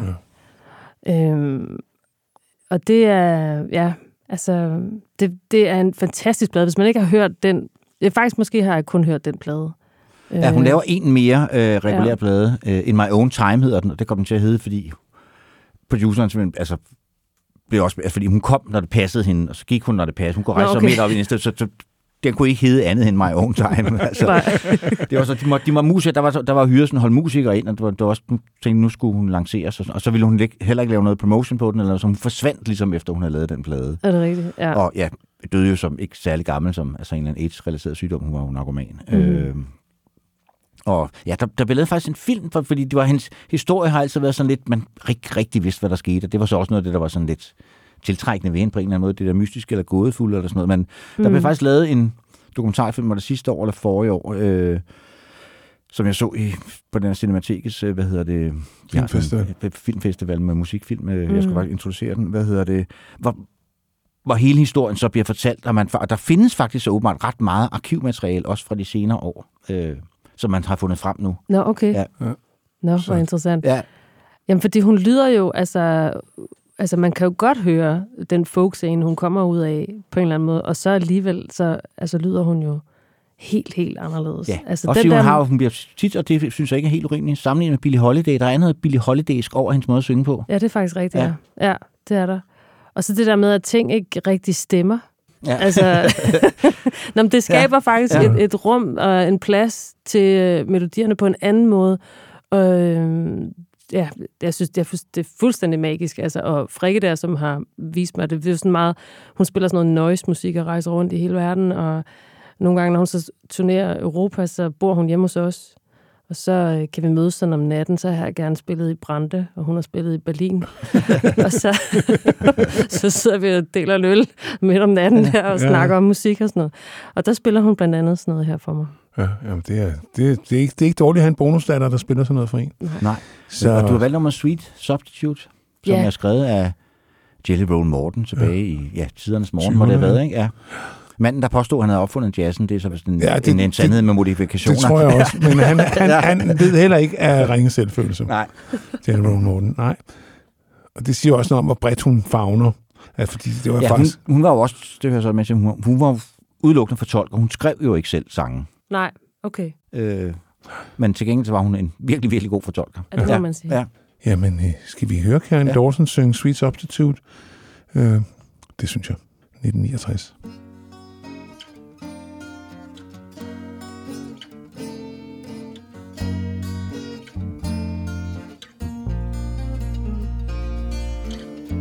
My man went away.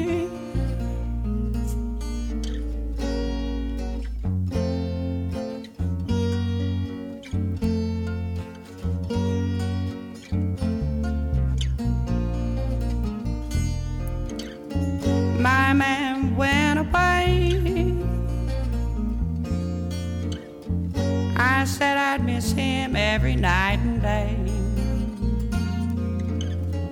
Then I began to look around. Wish I could show you what I found. Sweet substitute. Sweet substitute. Tells me that he's mine, all mine, every time I tell him. You know, love is blind. He's got such love and ways. Got my head in a daze. My new recruit is mighty sweet and cute. I'm crazy about my substitute. He's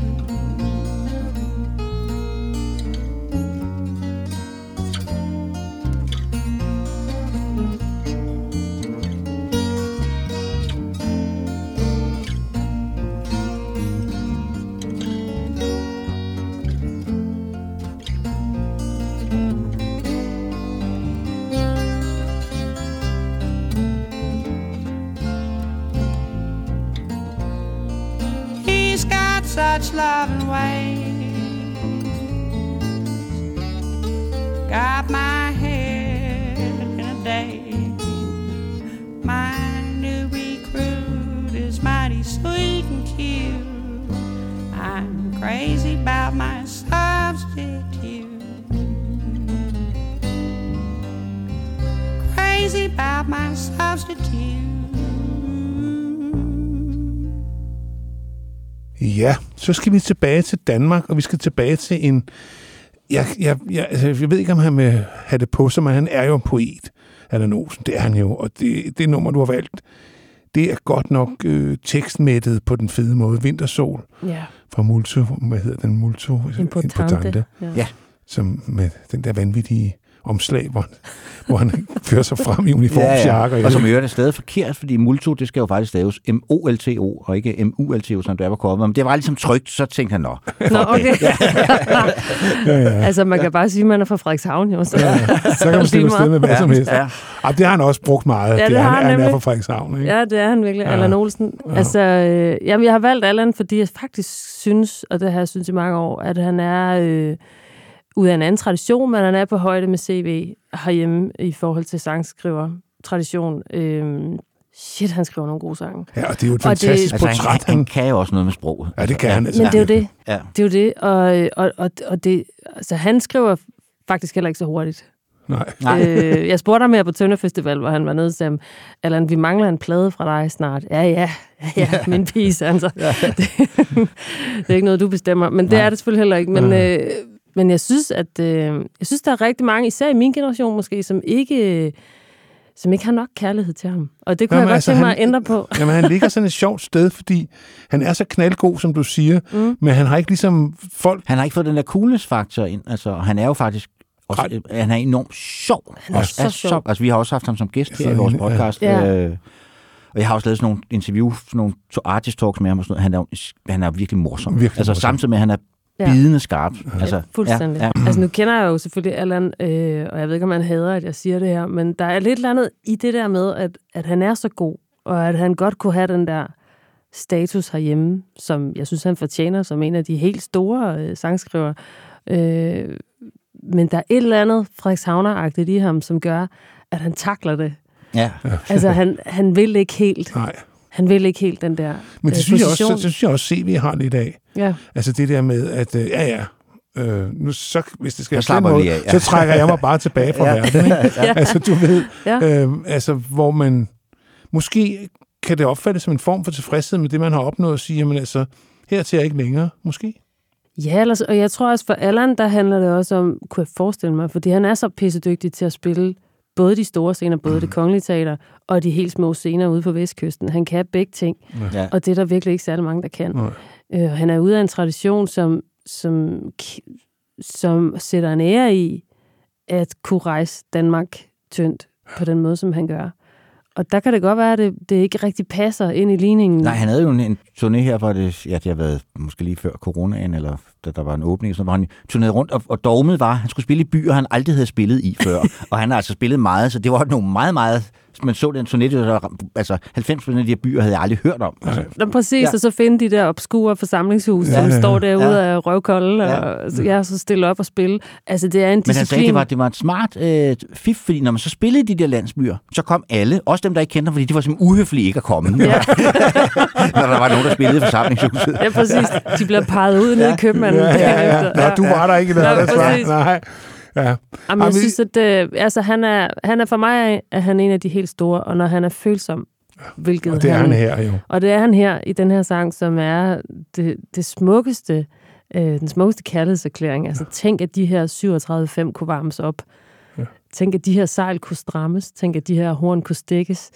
Altså det her med det her hårdt prøvede ægteskab, eller de stedigt elskende, eller hvad fanden man skal kalde dem. Øh, den måde at beskrive dem på, det har jeg ikke set smukkere. Nej, nej, det er noget jeg heller ikke, og, og dybt original. Men Ja, det er sådan, meget øh, smukt arrangeret også. Det er jo kun ham og Per Christian Frost, der spiller på den. Per Christian Frost spiller alle instrumenterne, altså bas, guitar og så stryger, som jo er spillet på sådan stringer. Det er jo ikke rigtig stryger. Nej. Men jeg tror, jeg tror, en af de ting, der adskiller Allan Olsen fra andre singer-songwriters, det er, at han jo grundlæggende er en rock'n'roller. Altså, han er en rock'n'roller i sin attitude, Ja. Hvor de fleste singer-songwriters er singer-songwriters. Hvor han ligesom her, er- altså han, den måde, han, han stiller sig op på en scene på, Mm-hmm. altså, det er jo mere rock and roll end det er, nu skal jeg under, nu skal I høre nogle sange, jeg har skrevet. Det er mere sådan, at han tager scenen, ikke? Jo, jo, jo, jo, men det er rigtigt. Der, han spiller jo også sindssygt godt guitar. Ja, altså, han er et helt orkester i sig selv, når han stiller sig op og spiller. Men samtidig så kan han også, han kan også godt lave et lille gråsbog fuldstændig a cappella ja. Ja. på scenen, så folk sidder og tuder. Ja, det Ja. er, Altså, så den der følsomme ting, altså, ja. jeg er tit efter ham med det, at jeg synes, han skal dyrke det, men det... Jamen, der er også meget den der jævnt, som jeg synes er et, et mesterværk. Mhm. Der er også meget følsomme ting på, synes jeg. Ja. Altså, hvor han virkelig øh, er henne med hovedstolen, ikke? Jo. Jo, men hvis han så spiller live, så siger han tit, at han ikke kan huske dem, de der følsomme. Jeg er god med ham. Ja. Ja.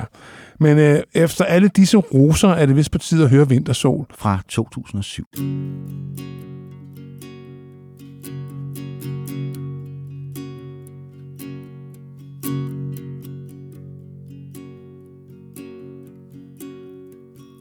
Nu kigger hun på bryllup med en prins og en fra Shanghai, og man tager sig i at mumle. Ikke for højt, men nu det skal. At i sin tid fik vi piger, der var lige så gul som hende. Og for den sags skyld betragte os som lige så prins som ham. Se nu hilser hun på snopper fra sit eller varme vattæp. Så aften tager med anden en kan snige sig ud imens. Men lige da frakken rammer nakken, bliver der sandelig sutte tænder. Og man nu har husket nøglen, for hun går snart i seng. Vi mødtes til en nadver, lige da smøgeren steg til en tredver. Mere for alt og vinens skyld, end pastorens triste suk. Som slagte kvæg, der bøjer sig for snakkens kastanjetter, så vi boldpistolen spejle sig i hinandens blik. Og pludselig var man to takt med vekselstrøm og to tallerkener. Ikke fordi hun overgår en anden ensom kok. Hun er sær på nye måder, og man selv har mistet pejling. Mere pinlivet er andre end sig selv. Tænk at de her horn kunne stikkes Tænk at vintersolen kunne vækkes. Tænk at de her 37 fem kunne varmes op. Den her lugt af uld, det regner på. Det der glemte, hvad så vil du nu? Og så kom hun vist fra landsbyen. Maria Magdalene.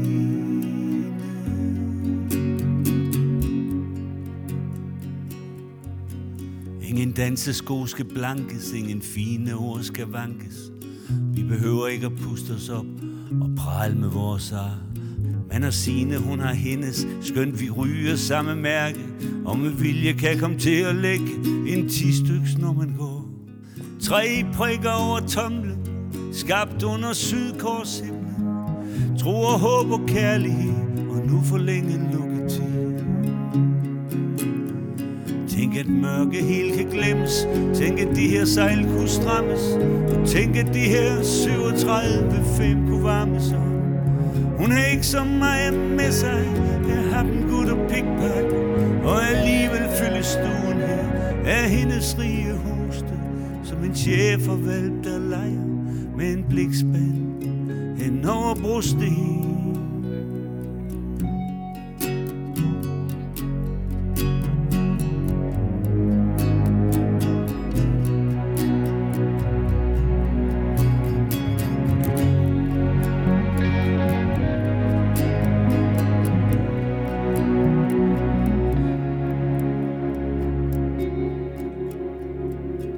at de her horn kunne stikkes.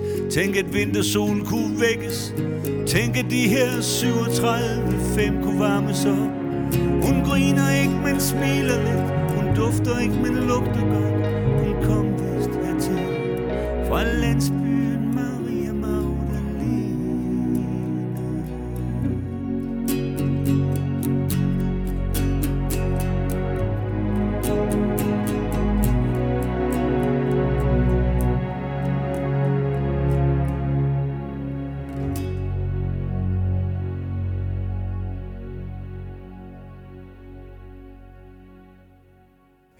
Så skal vi så til en kvinde, som vi også elsker, Henrik. Det er helt Ja. ja. vildt, Signe. Hun er altså har god, god til smag. at... Hvem elsker Ja, vi alle sammen? Nina Simone. Uh, Ja. ja. Fuha, ja. Ja. ja. Og det er jo også, hun er jo nærmest en naturkraft, kan man sige. Ja, det må man sige. Ja. Der, Og skulle vist også have været en rimelig Rimelig besværlig besværlig dame. person, ja. Ja, high maintenance, Ja. ja. tænker du. Ja. Ja. ja. ja, det er hun. Og det, altså, øhm, ja, der er jo så meget smerte og sjæl og sex og hvad fanden ved jeg Ja, ja. i hende. Altså, det er jo ikke, det er jo svært at, at se nogen, pege på nogen andre, der kan alle de ting, som hun Ja. kan. Og Altså, hun er helt unik, også fordi, at der er ikke nogen, der lyder som Nina Simone. Altså. Nej. Hun har ikke dannet skole, fordi det, det, det er der ikke nogen, der kan. Nej, og så har hun den der meget sjældne og meget, meget dragende ting, hvor hun kan blande noget meget, meget skrøbeligt og noget meget, meget aggressivt på, på, altså Ja. i, i samme sang og samme tonefald. Og hvordan, hvordan, altså, man, Ja. man bliver sådan lidt intimideret, når man hører lidt bange nærmest. Ikke? Jo, altså, indimellem, ja. ja, ja, det kan jeg godt, ja. Ja. Altså, jamen, fordi hun er en kraft, hun er en naturkraft Ja. ja. på en eller anden måde. hun virkelig. Og hun er sådan, af alle de jazzsanger, så er hun altså den, jeg vender tilbage til. Ja, Hun er en, jeg hun- synes, for mit vedkommende, som har vundet med årene. Ja, Altså, hvor da jeg var yngre, var det måske mere Aretha Franklin og, og Benny Holiday, som du nævner sådan noget. Så, der er sådan lidt svært. Netop den der aggressive kant der, hvor jeg tænkte, Mississippi, goddamn, du ved, det skal nok være ordentligt, ikke? Men, men det kan jeg meget bedre rumme med årene. Altså, jeg kan meget bedre rumme ja. Ja. hendes facetter og, og, og, og, og udtryk som sådan. Så hende, er jeg, hende hører jeg i stigende grad med årene. men det tror jeg, det, det, har, det har du sgu egentlig nok, og det har jeg ikke tænkt over, men det tror jeg også at gælder det samme for mig. Altså, jeg fik den her plade af Lars Skærbæk, som øh, er producer og guitarist. og sådan. Øh, og Ja, det så er, på mange måder din, din højre hånd, kan man godt sige. Ja. Han har været med hele vejen igennem, ikke? Ja, helt sikkert. Ja. ja. Og, jeg vil sige, jeg, jeg vil ønske, at jeg var sådan en die-hard vinyl-entusiast, som satte øh, nye vinyler på hver dag og alt sådan noget. Men tit og ofte, så er det Nina Simone Sings the Blues, som ligger som der. også Altså, er en rigtig ja. god, ja. ja. Og du har valgt nummeret, du er en movie med spørgsmålstegn efter. Det er jo lidt et dumt spørgsmål, når det kommer fra Nina Simone. Det kan vi kun svare, det kan vi kun Det svare ja til. ja, tak. Og jeg er også lidt bange. Ja, vi lytter med andagt. Så her kommer Du er Move You fra Nina Simone Sings the Blues. Do I move you? Are you willing? Do I groove you? Is it thrilling?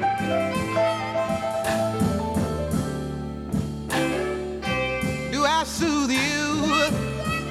Tell the truth now.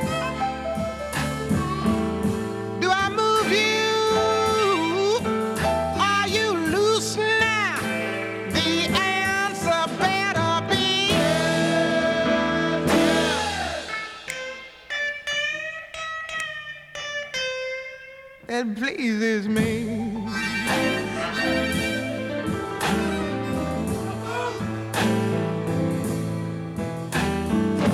Are you ready for this action? Does it give you satisfaction?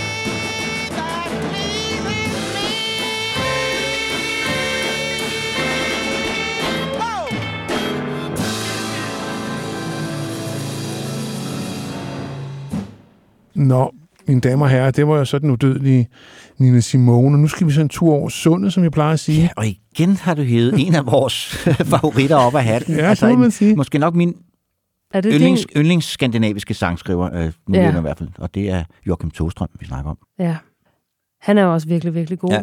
Altså, og han er, altså, han er sådan en, som jeg øh, vender tilbage til, når jeg skal i gang med at skrive sange til et nyt album. Og ligesom, og det tror jeg måske, jeg glemte at fortælle, jeg har læst i et interview med Gillian Welsh, at hun forestiller sig, når hun skriver sange, at hun skal skrive sådan punk-ting.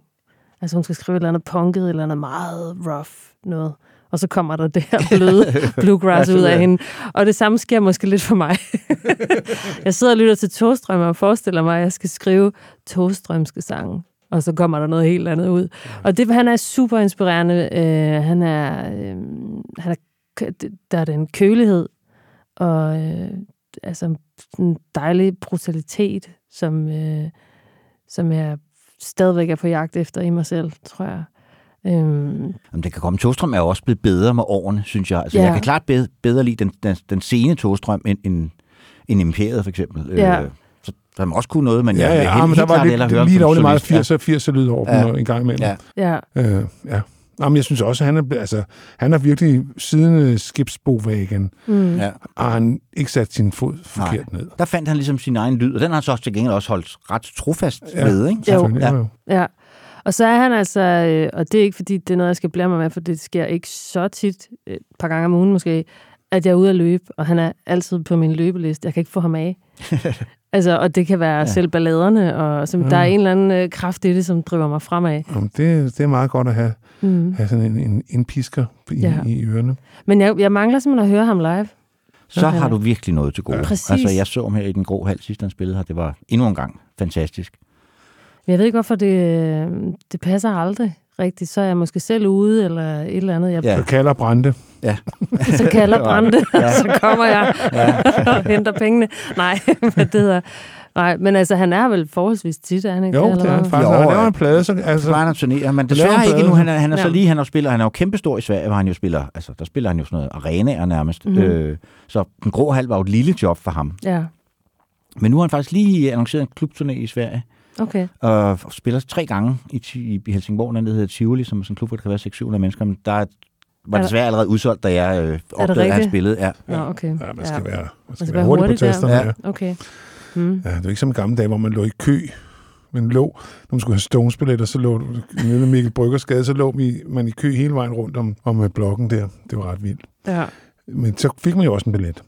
det nu, det. nu er det jo telefoner eller net, ikke? Så der, der, der kan du ikke Nej, ligesom ofre dig. og jeg, og jeg ved ikke, altså, jeg, jeg er sgu nogle gange alt for langsom til at, at, at, at fange de der ting. Ellers så ja, er jeg Ja. ramt af, at jeg selv skal ud, ikke? Men, ja. Altså, jeg var rigtig heldig, dengang Kate Bush hun spillede derovre i, i, i London på det der teater, at øh, min ven Ralf var hurtig på tasterne. Mhm. Det var så også dyrt, Henrik. Ja. Men det var det værd. Og så har jeg også set hende.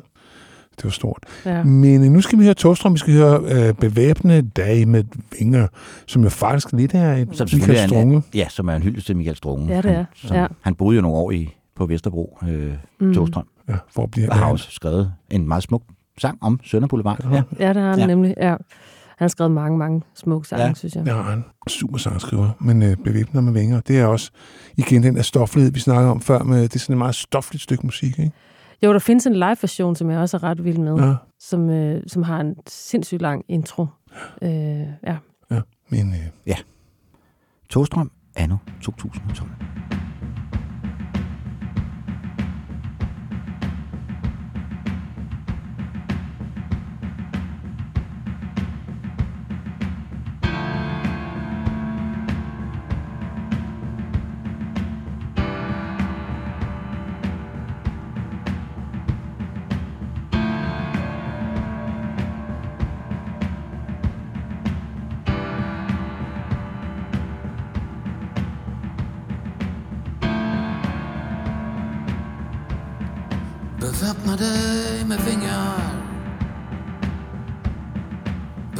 dig med sol.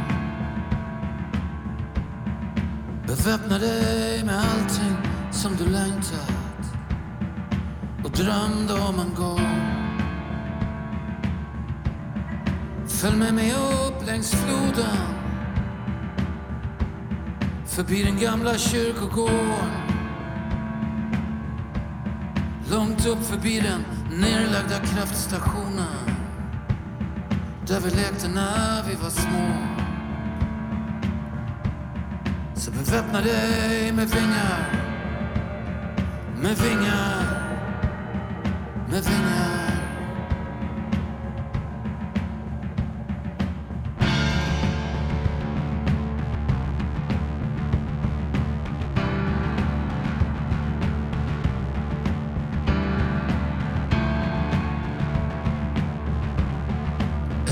Kunde inte sova en blund i natt.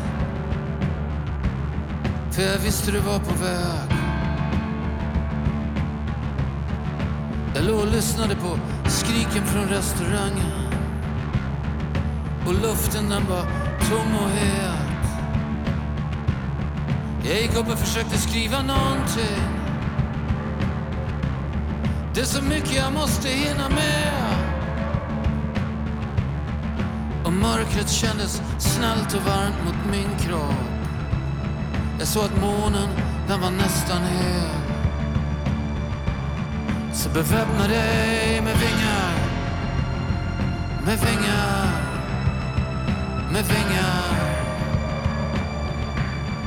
Beväpna dig med vingar Åh, med vingar Med vingar.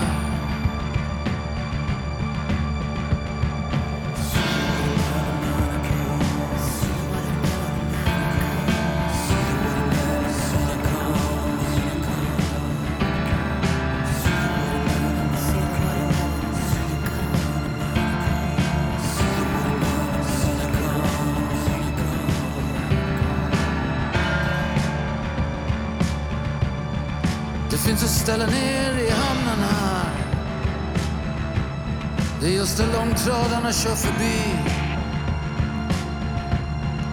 Där nere säger de att vinden är som bäst och om man önskar. Då blåser den dit man vill. Det är som vackrast där på natten. När kristallskeppen kommer in. Man kan se dem från flera mil om man står på taket där. Og du ska få se när vi kommer dit. Så beväpna dig med vingar. Med vingar. Åh, oh, med vingar.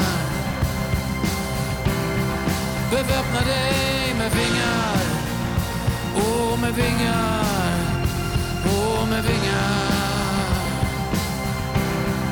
Beväpna dig med vingar Med vingar med vinger. Bevæbner det med vinger. Med vinger. Med vinger.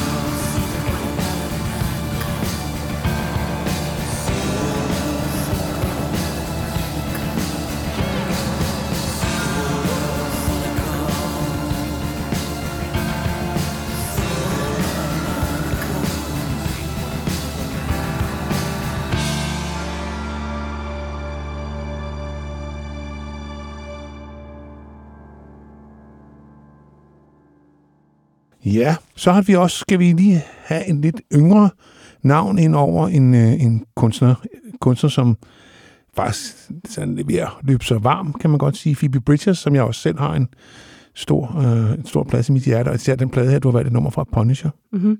Og det er jo en, en, også en, Endnu en hyggespreder, du har valgt, fordi det er sådan en sang om verdens undergang. Ja. Ja. Intet mindre. Altså, Ja, altså, hvorfor ikke? ja, vi nærmer os også slutningen på programmet, Ja. så Ja, det det er passer meget meget logisk? Ja. Og sådan som verden ser ud i dag, så ved man sgu heller ikke rigtigt, hvor vi ender. Altså. Præcis, den passer sgu da meget godt. Det er så meget Altså, godt til de ja. her meget, meget betrængte tider, vi lever i. Ja, det, alt er meget intenst.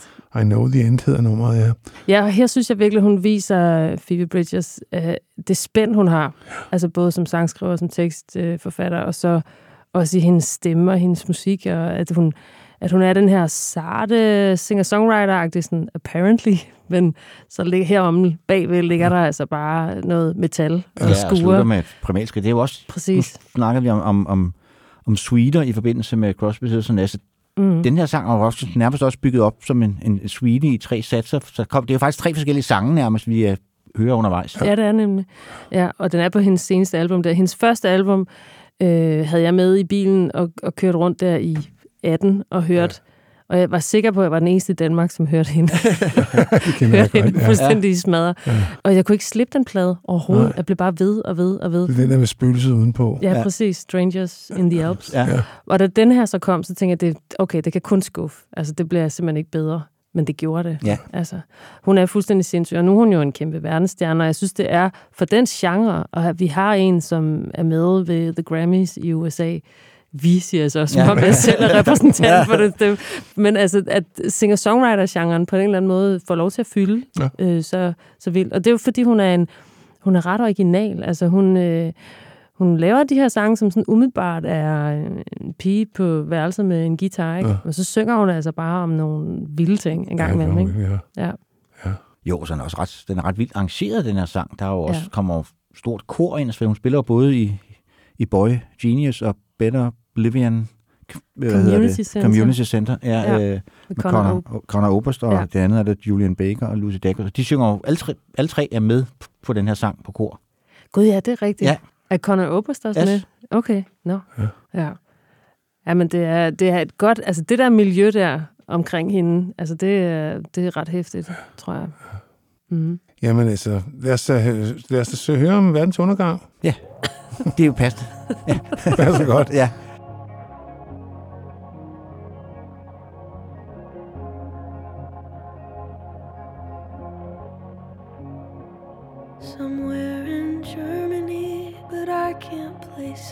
Man, I hate this part of Texas. Close my eyes, fantasize. Three clicks and I'm home.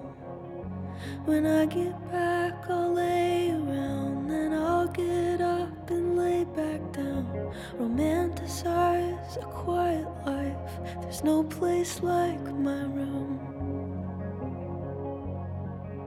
But you had to go.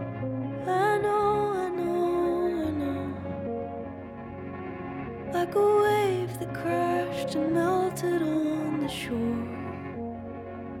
Not even the burnouts are out here anymore. And you had to go. I know,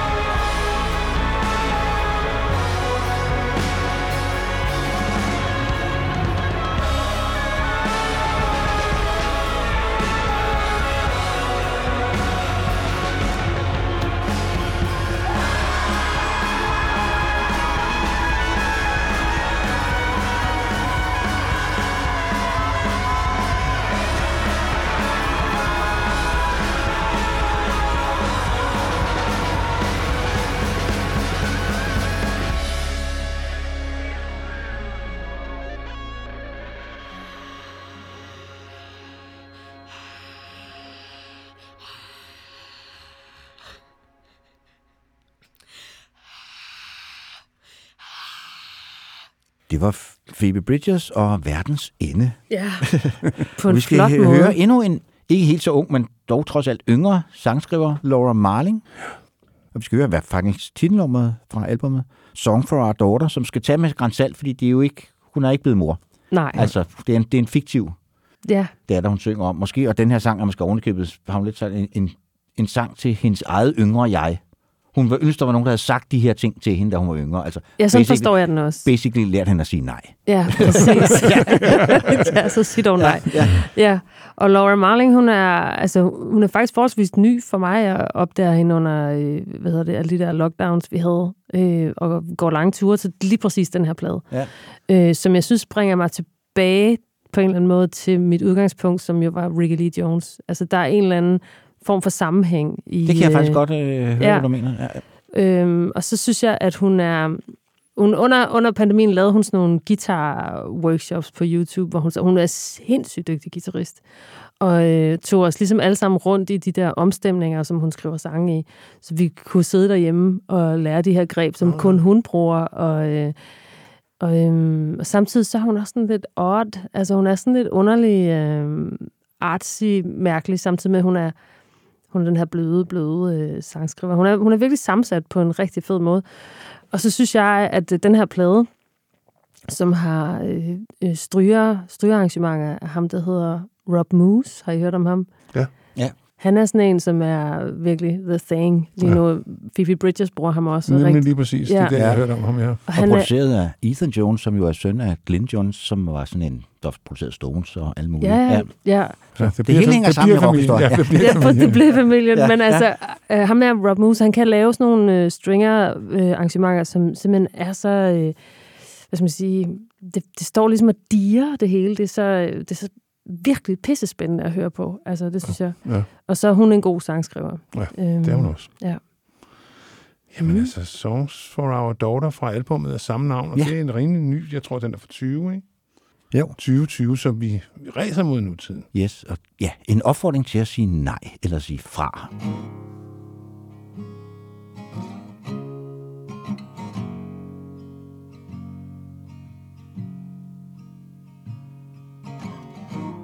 Though they may want you to tread in their trail, only to see if the path they set fails. Though they may want you to take off your clothes, whatever they think that the action exposed clothes on the floor. Taking advice from some old balding boy. You'll ask yourself, did I want this at all? Do you remember what I said? The book I left by bed. Words that some survivor read. Lately, I've been thinking about our daughter growing old. All of the bullshit that she might be told. There's blood on the floor. Maybe now you believe her for sure. She remembers what I said.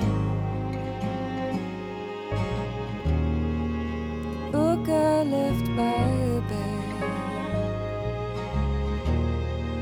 The words that some survivor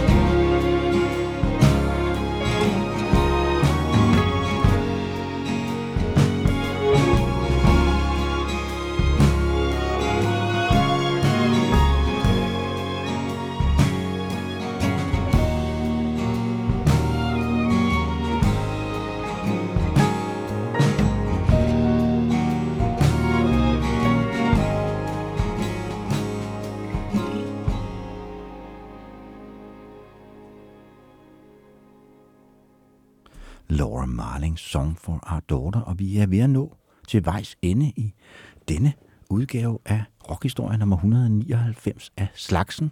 Og vi vil meget gerne lave 199 mere, og Og det kan vi kun gøre, hvis I går ind og støtter os. Vi siger selvfølgelig tak til dem, der allerede gør det. Og hvis der er nogen, der lytter med derude og har lyst til at gøre det, så er det meget nemt. Man går bare ind på heartbeats.dk, finder rockhistorie frem, og så er der sådan en rød støtteknap, man kan trykke på. Og så bliver man guidet videre til, at man kan donere et beløb, som så bliver trukket hver gang, vi lægger en ny podcast op. Altså ikke hver gang man lytter, men hver gang vi lægger et nyt afsnit op. Og så får man også adgang til vores lytteklub inde på Facebook. Så det vil vi blive meget glade, hvis I gør. Ja. Hvad hedder det? Og så skal vi øh, sige tak til vores gæst denne gang, Signe Svendsen. Det har været en fornøjelse. Du har god smag. Og vi skal, også, vi skal også lige nævne, at hun kom- kommer ny, nyt album her den 14. oktober. Øh, øh, Hvem ikke elskes igen, hedder det. Ja. Og øh, det kan vi, vi har smuglyttet til det, så Signe, det, det lyder rigtig godt. Tak. Og vi slutter så af med at spille titelnummer derfra. Mhm. Øh, så kan de lære det derude, ikke? Præcis, det må de gerne. Ja. Ja. og jeg siger også tak, øh, fordi du øh, tog dig tid til at komme forbi. Jamen, det har været virkelig dejligt at være her øh, og snakke musik med jer to. Men det må jeg sige. Ja, ja, det har også været dejligt at snakke med dig. Ja. God historie, og ja, så udover at jeg skide misundelig på det der med Tanascimento, så synes jeg, at det foregik på et nogenlunde niveau. Jeg tager dig med næste gang. Det må du love mig, Ja. ja. Signe, det må du gøre. Ja, men også til alle jer derude, øh, som lytter med. Tak for denne gang, og næste gang, ja, der er det jo altså nummer 200, vi skal, øh, vi skal fejre. Og der, traditionen tro, skal vi spille kunstner, vi aldrig har spillet før. Og der, vi kommer længere og længere ned i dagen. Det er tredje gang, vi laver den øvelse. Ja, og vi har gjort det hver gang, vi kommer til altså, nummer 50, og nummer 100 og 150, og så er det så nummer 200 nu. Så er dogmet, at vi skal spille kunstnere, vi godt kan lide, men som vi ikke har fået plads til i wow. de foregående. Og nu ja, har vi jo så efterhånden lavet mere end 400 timers podcast, så vi har nået at spille nogle sange, men Der er jeg, jeg, jeg kunne stadigvæk godt grave 10 frem. det kunne jeg også. Det kunne, jeg, ja. faktisk, jeg måtte faktisk øh, tage nogen fra igen. Altså, det bliver jeg nødt til at høre det afsnit. Ja. Jamen, der, der er også mange sjove ting. Ja. Ja. Så med, med disse ord vil vi sige tak for denne gang, på genhør, og pas på jer selv derude. Her kommer Hvem vil ikke elskes igen med Signe Svendsen fra hendes kommende album med